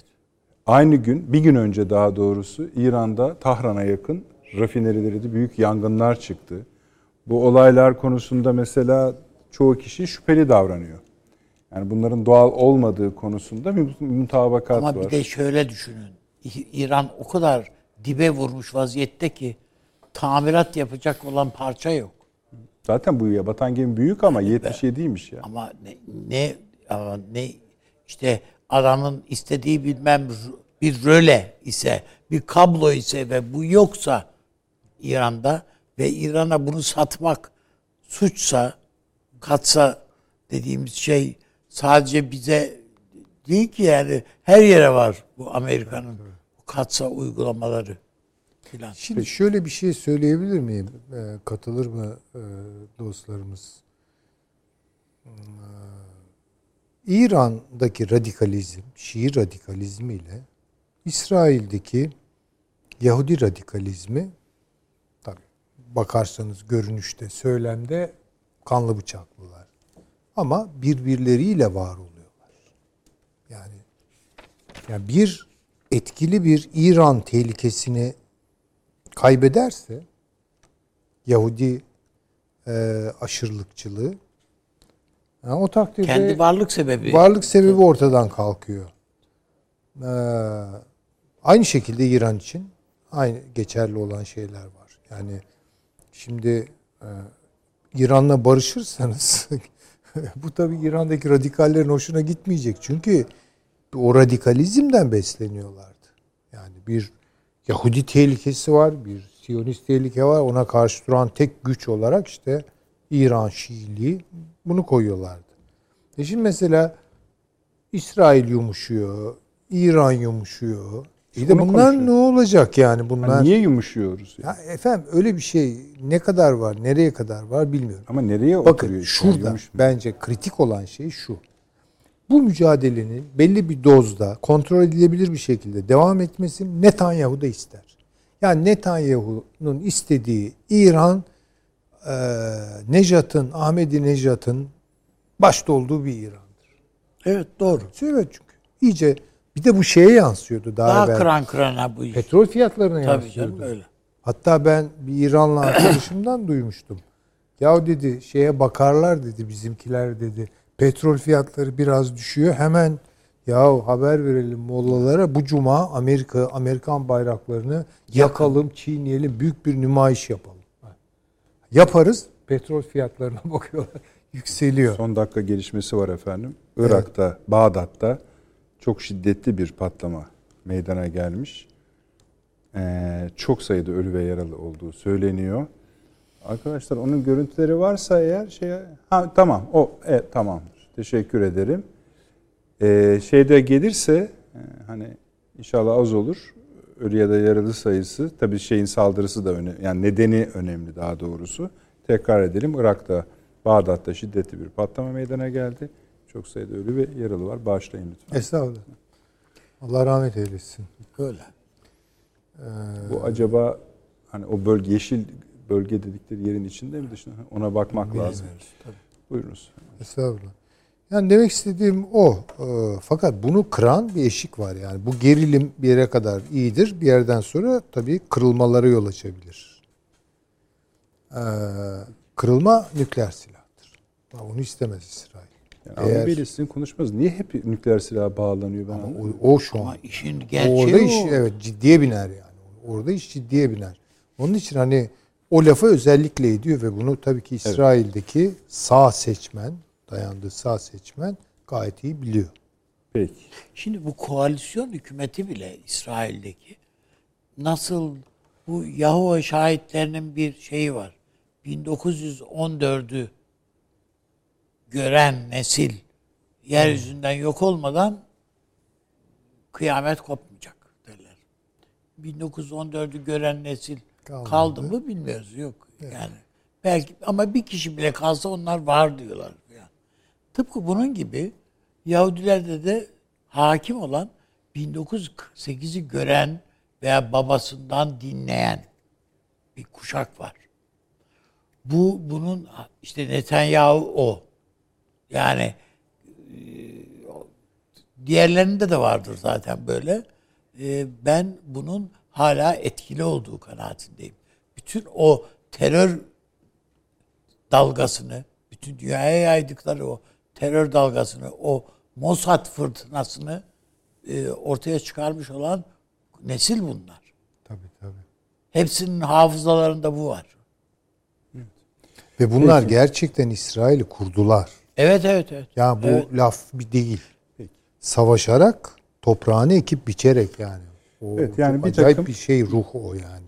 Onu Anladım. Şimdi bir takım sabit gelişmiş yerine oturmuş son dönemdeki sabitlerden de yani sizin konuşmalarınızı destekleyecek ya da katkıda bulunacak ölçüler de koruyorlar. Birincisi Amerika'daki Amerikan Yahudi, Yahudilerinin ve ABD seçkinlerinin İsrail yönetimiyle bir takım stratejik çıkmazlara sürüklendiği gerçeğinden bahsediliyor. Ayrıca mesela Gazze, Batı Şeria, Kudüs'teki çatışmalar süratle İsrail'in gündeminden düşmüş durumda ama şey düşmemiş durumda. Ülke içindeki ayrışma ve çatışmaları çok önemsediler. tabii. O Filistin E şimdi mesela demin söyledim bu Filistin'in ihtiyaçları neler diye. Şimdi burada bir şeyde şu. Gazze'nin açıklarında doğalgaz tespit edildi. evet. Bunu işletelim mi, işletmeyelim mi? İşletirsek nasıl işleteceğiz? Ama Hamaney diyor ki kardeşim siz önemsemeyin bu petrol ne olacak? Doğalgaz bilmem sana ne diyor ya? Sen füzeleri al bak. Saldırı altındasın diyor. Peki. Yani bütün bunlara karar vermek durumunda sadece İsrail bir tercihler yapmak durumunda değil. Orada Filistin de bir takım tercihler yapmak E orada Hamas'ın içinde de Tabii problemler aynı şey Hamas yani. için Tabii, geçerli. tabii. Yaşans hocamdan çok kısa bir yorum rica edeceğim ama ondan önce söyleyeyim. Yani ilk gelen bilgiler bir restoranda galiba sağlık çalışanların da olduğu bir şey. Ee, şu anda 3 ölü ve 16 yaralı var. İnşallah daha artmaz. Ama şey söyleniyor. Çok şiddetli patlama olduğu söyleniyor. Taşans hocam çok kısaca buraya kadarki İsrail'i bağlarsanız sevinirim. Ya ben e, yani stüdyoda konuşulanlardan epey farklı düşünüyorum. E, yani birincisi bazı şeyleri netleştirmek lazım. Şimdi Netanyahu bir tarafta karşısında yamalı bohça yok. Netanyahu hükümeti de çok bileşenli bir koalisyondu. Yani Netanyahu tek başına %49 oy aldı. Koali- karşısındakiler %51 oy aldı değil. Ee, Bunu bir e, şey yapmak, netleştirmek lazım. İkincisi İsrail'in siyasal çizgisinde Netanyahu bir istisnadır. Yani Netanyahu'yu İsrail devlet aklı ile e, denk tutmak yanlış bence. Tam tersinin olduğunu düşünürüm ben. E, yani genelde literatür de öyledir. İsrail devlet çizgisinin dışında bir sapmadır. Yani Menahem Begin'in 2. Cumhuriyeti 77'de işte ben onun talebesiyim falan diyor ama o değil. Ee, Diğer bir husus bu pozisyonizm tartışmaları dedim. Bakın geçen hafta Fransız Dışişleri Bakanı şunu söyledi. Eğer dedi İsrail böyle gidecek olursa bu iş apartheid'a gidiyor. Dünya buna gözlerini yummaz. Bakın apartheid kelimesi çok ağır bir kelimedir. ve benzer cümleler Amerika tarafından da dillendiriliyor. Apartheid kelimesini kullanmıyorlar ama aynı içeriği söylüyorlar. Ve bu söyleyenlerin pek büyük bir bölümü de New York'ta Amsterdam Caddesi civarındaki liberal Yahudilerdir. Yani dolayısıyla orada bir değişim olacak. Bu açık çünkü demografik bir değişim var. Açık neden? Çünkü İsrail hep tartıştı. Yani İsrail öyle bir derin devlet aklı, sürekliliği olan e, öyle bir şey yok. Yani şöyle söyleyeyim 48 öncesindeki İsrail siyasi yapısı inanılmaz karmaşıktır. Yani bir Ahat Haam'a baksanız mesela kültürel siyonizm tartışmalarına bir inanılmazdır. Jabotinski'ye bakın onun karşısında işte ne bileyim Ben Gurion'a bakın vesaire. Çok farklıdır gerçekten. Dolayısıyla e, orası bir şekilde tartışıyor. Yani kurucu değerlerini de tartışıyor. E, Ancak hani bir şey daha son olarak ekleyeyim. E, Süleyman Hoca'ya katılmadığım bir nokta olarak söyleyeyim onu. Yani bu gelenler devlet yönetemez e, konusunda ben hiç öyle düşünmediğimi söylemeliyim. Çünkü zaten hepsi devlet tecrübeli insanlar bunların. Yani e, şey değiller bunlar dışarıdan hiç işte devletle alakası olmayan sivil toplum tırnak içinde temsilcileri değiller. Bunlar zaten İsrail devletin içinde çalışmış adamlar. Eski savunma bakanı, eski dışişleri bakanı, eski iskan bakanı vesaire vesaire. Netanyahu'nun ekibine baktığınızda asıl devlet dışı karakterlerdir.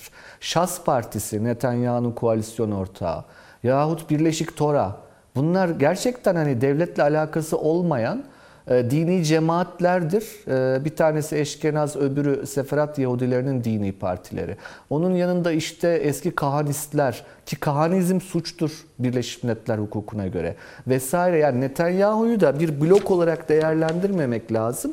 E, ama e, şey nedir onun adı? Ben dediğim gibi hala gidene kadar e, gitti mi gitmedi mi diye bakılması gereken bir karakter diye düşüneyim ama İsrail hani dediğim gibi köklü e, köklü tartışmalara gebe bir dönem yaşayacaktır diye düşünüyorum. Peki çok teşekkür ediyorum hocam.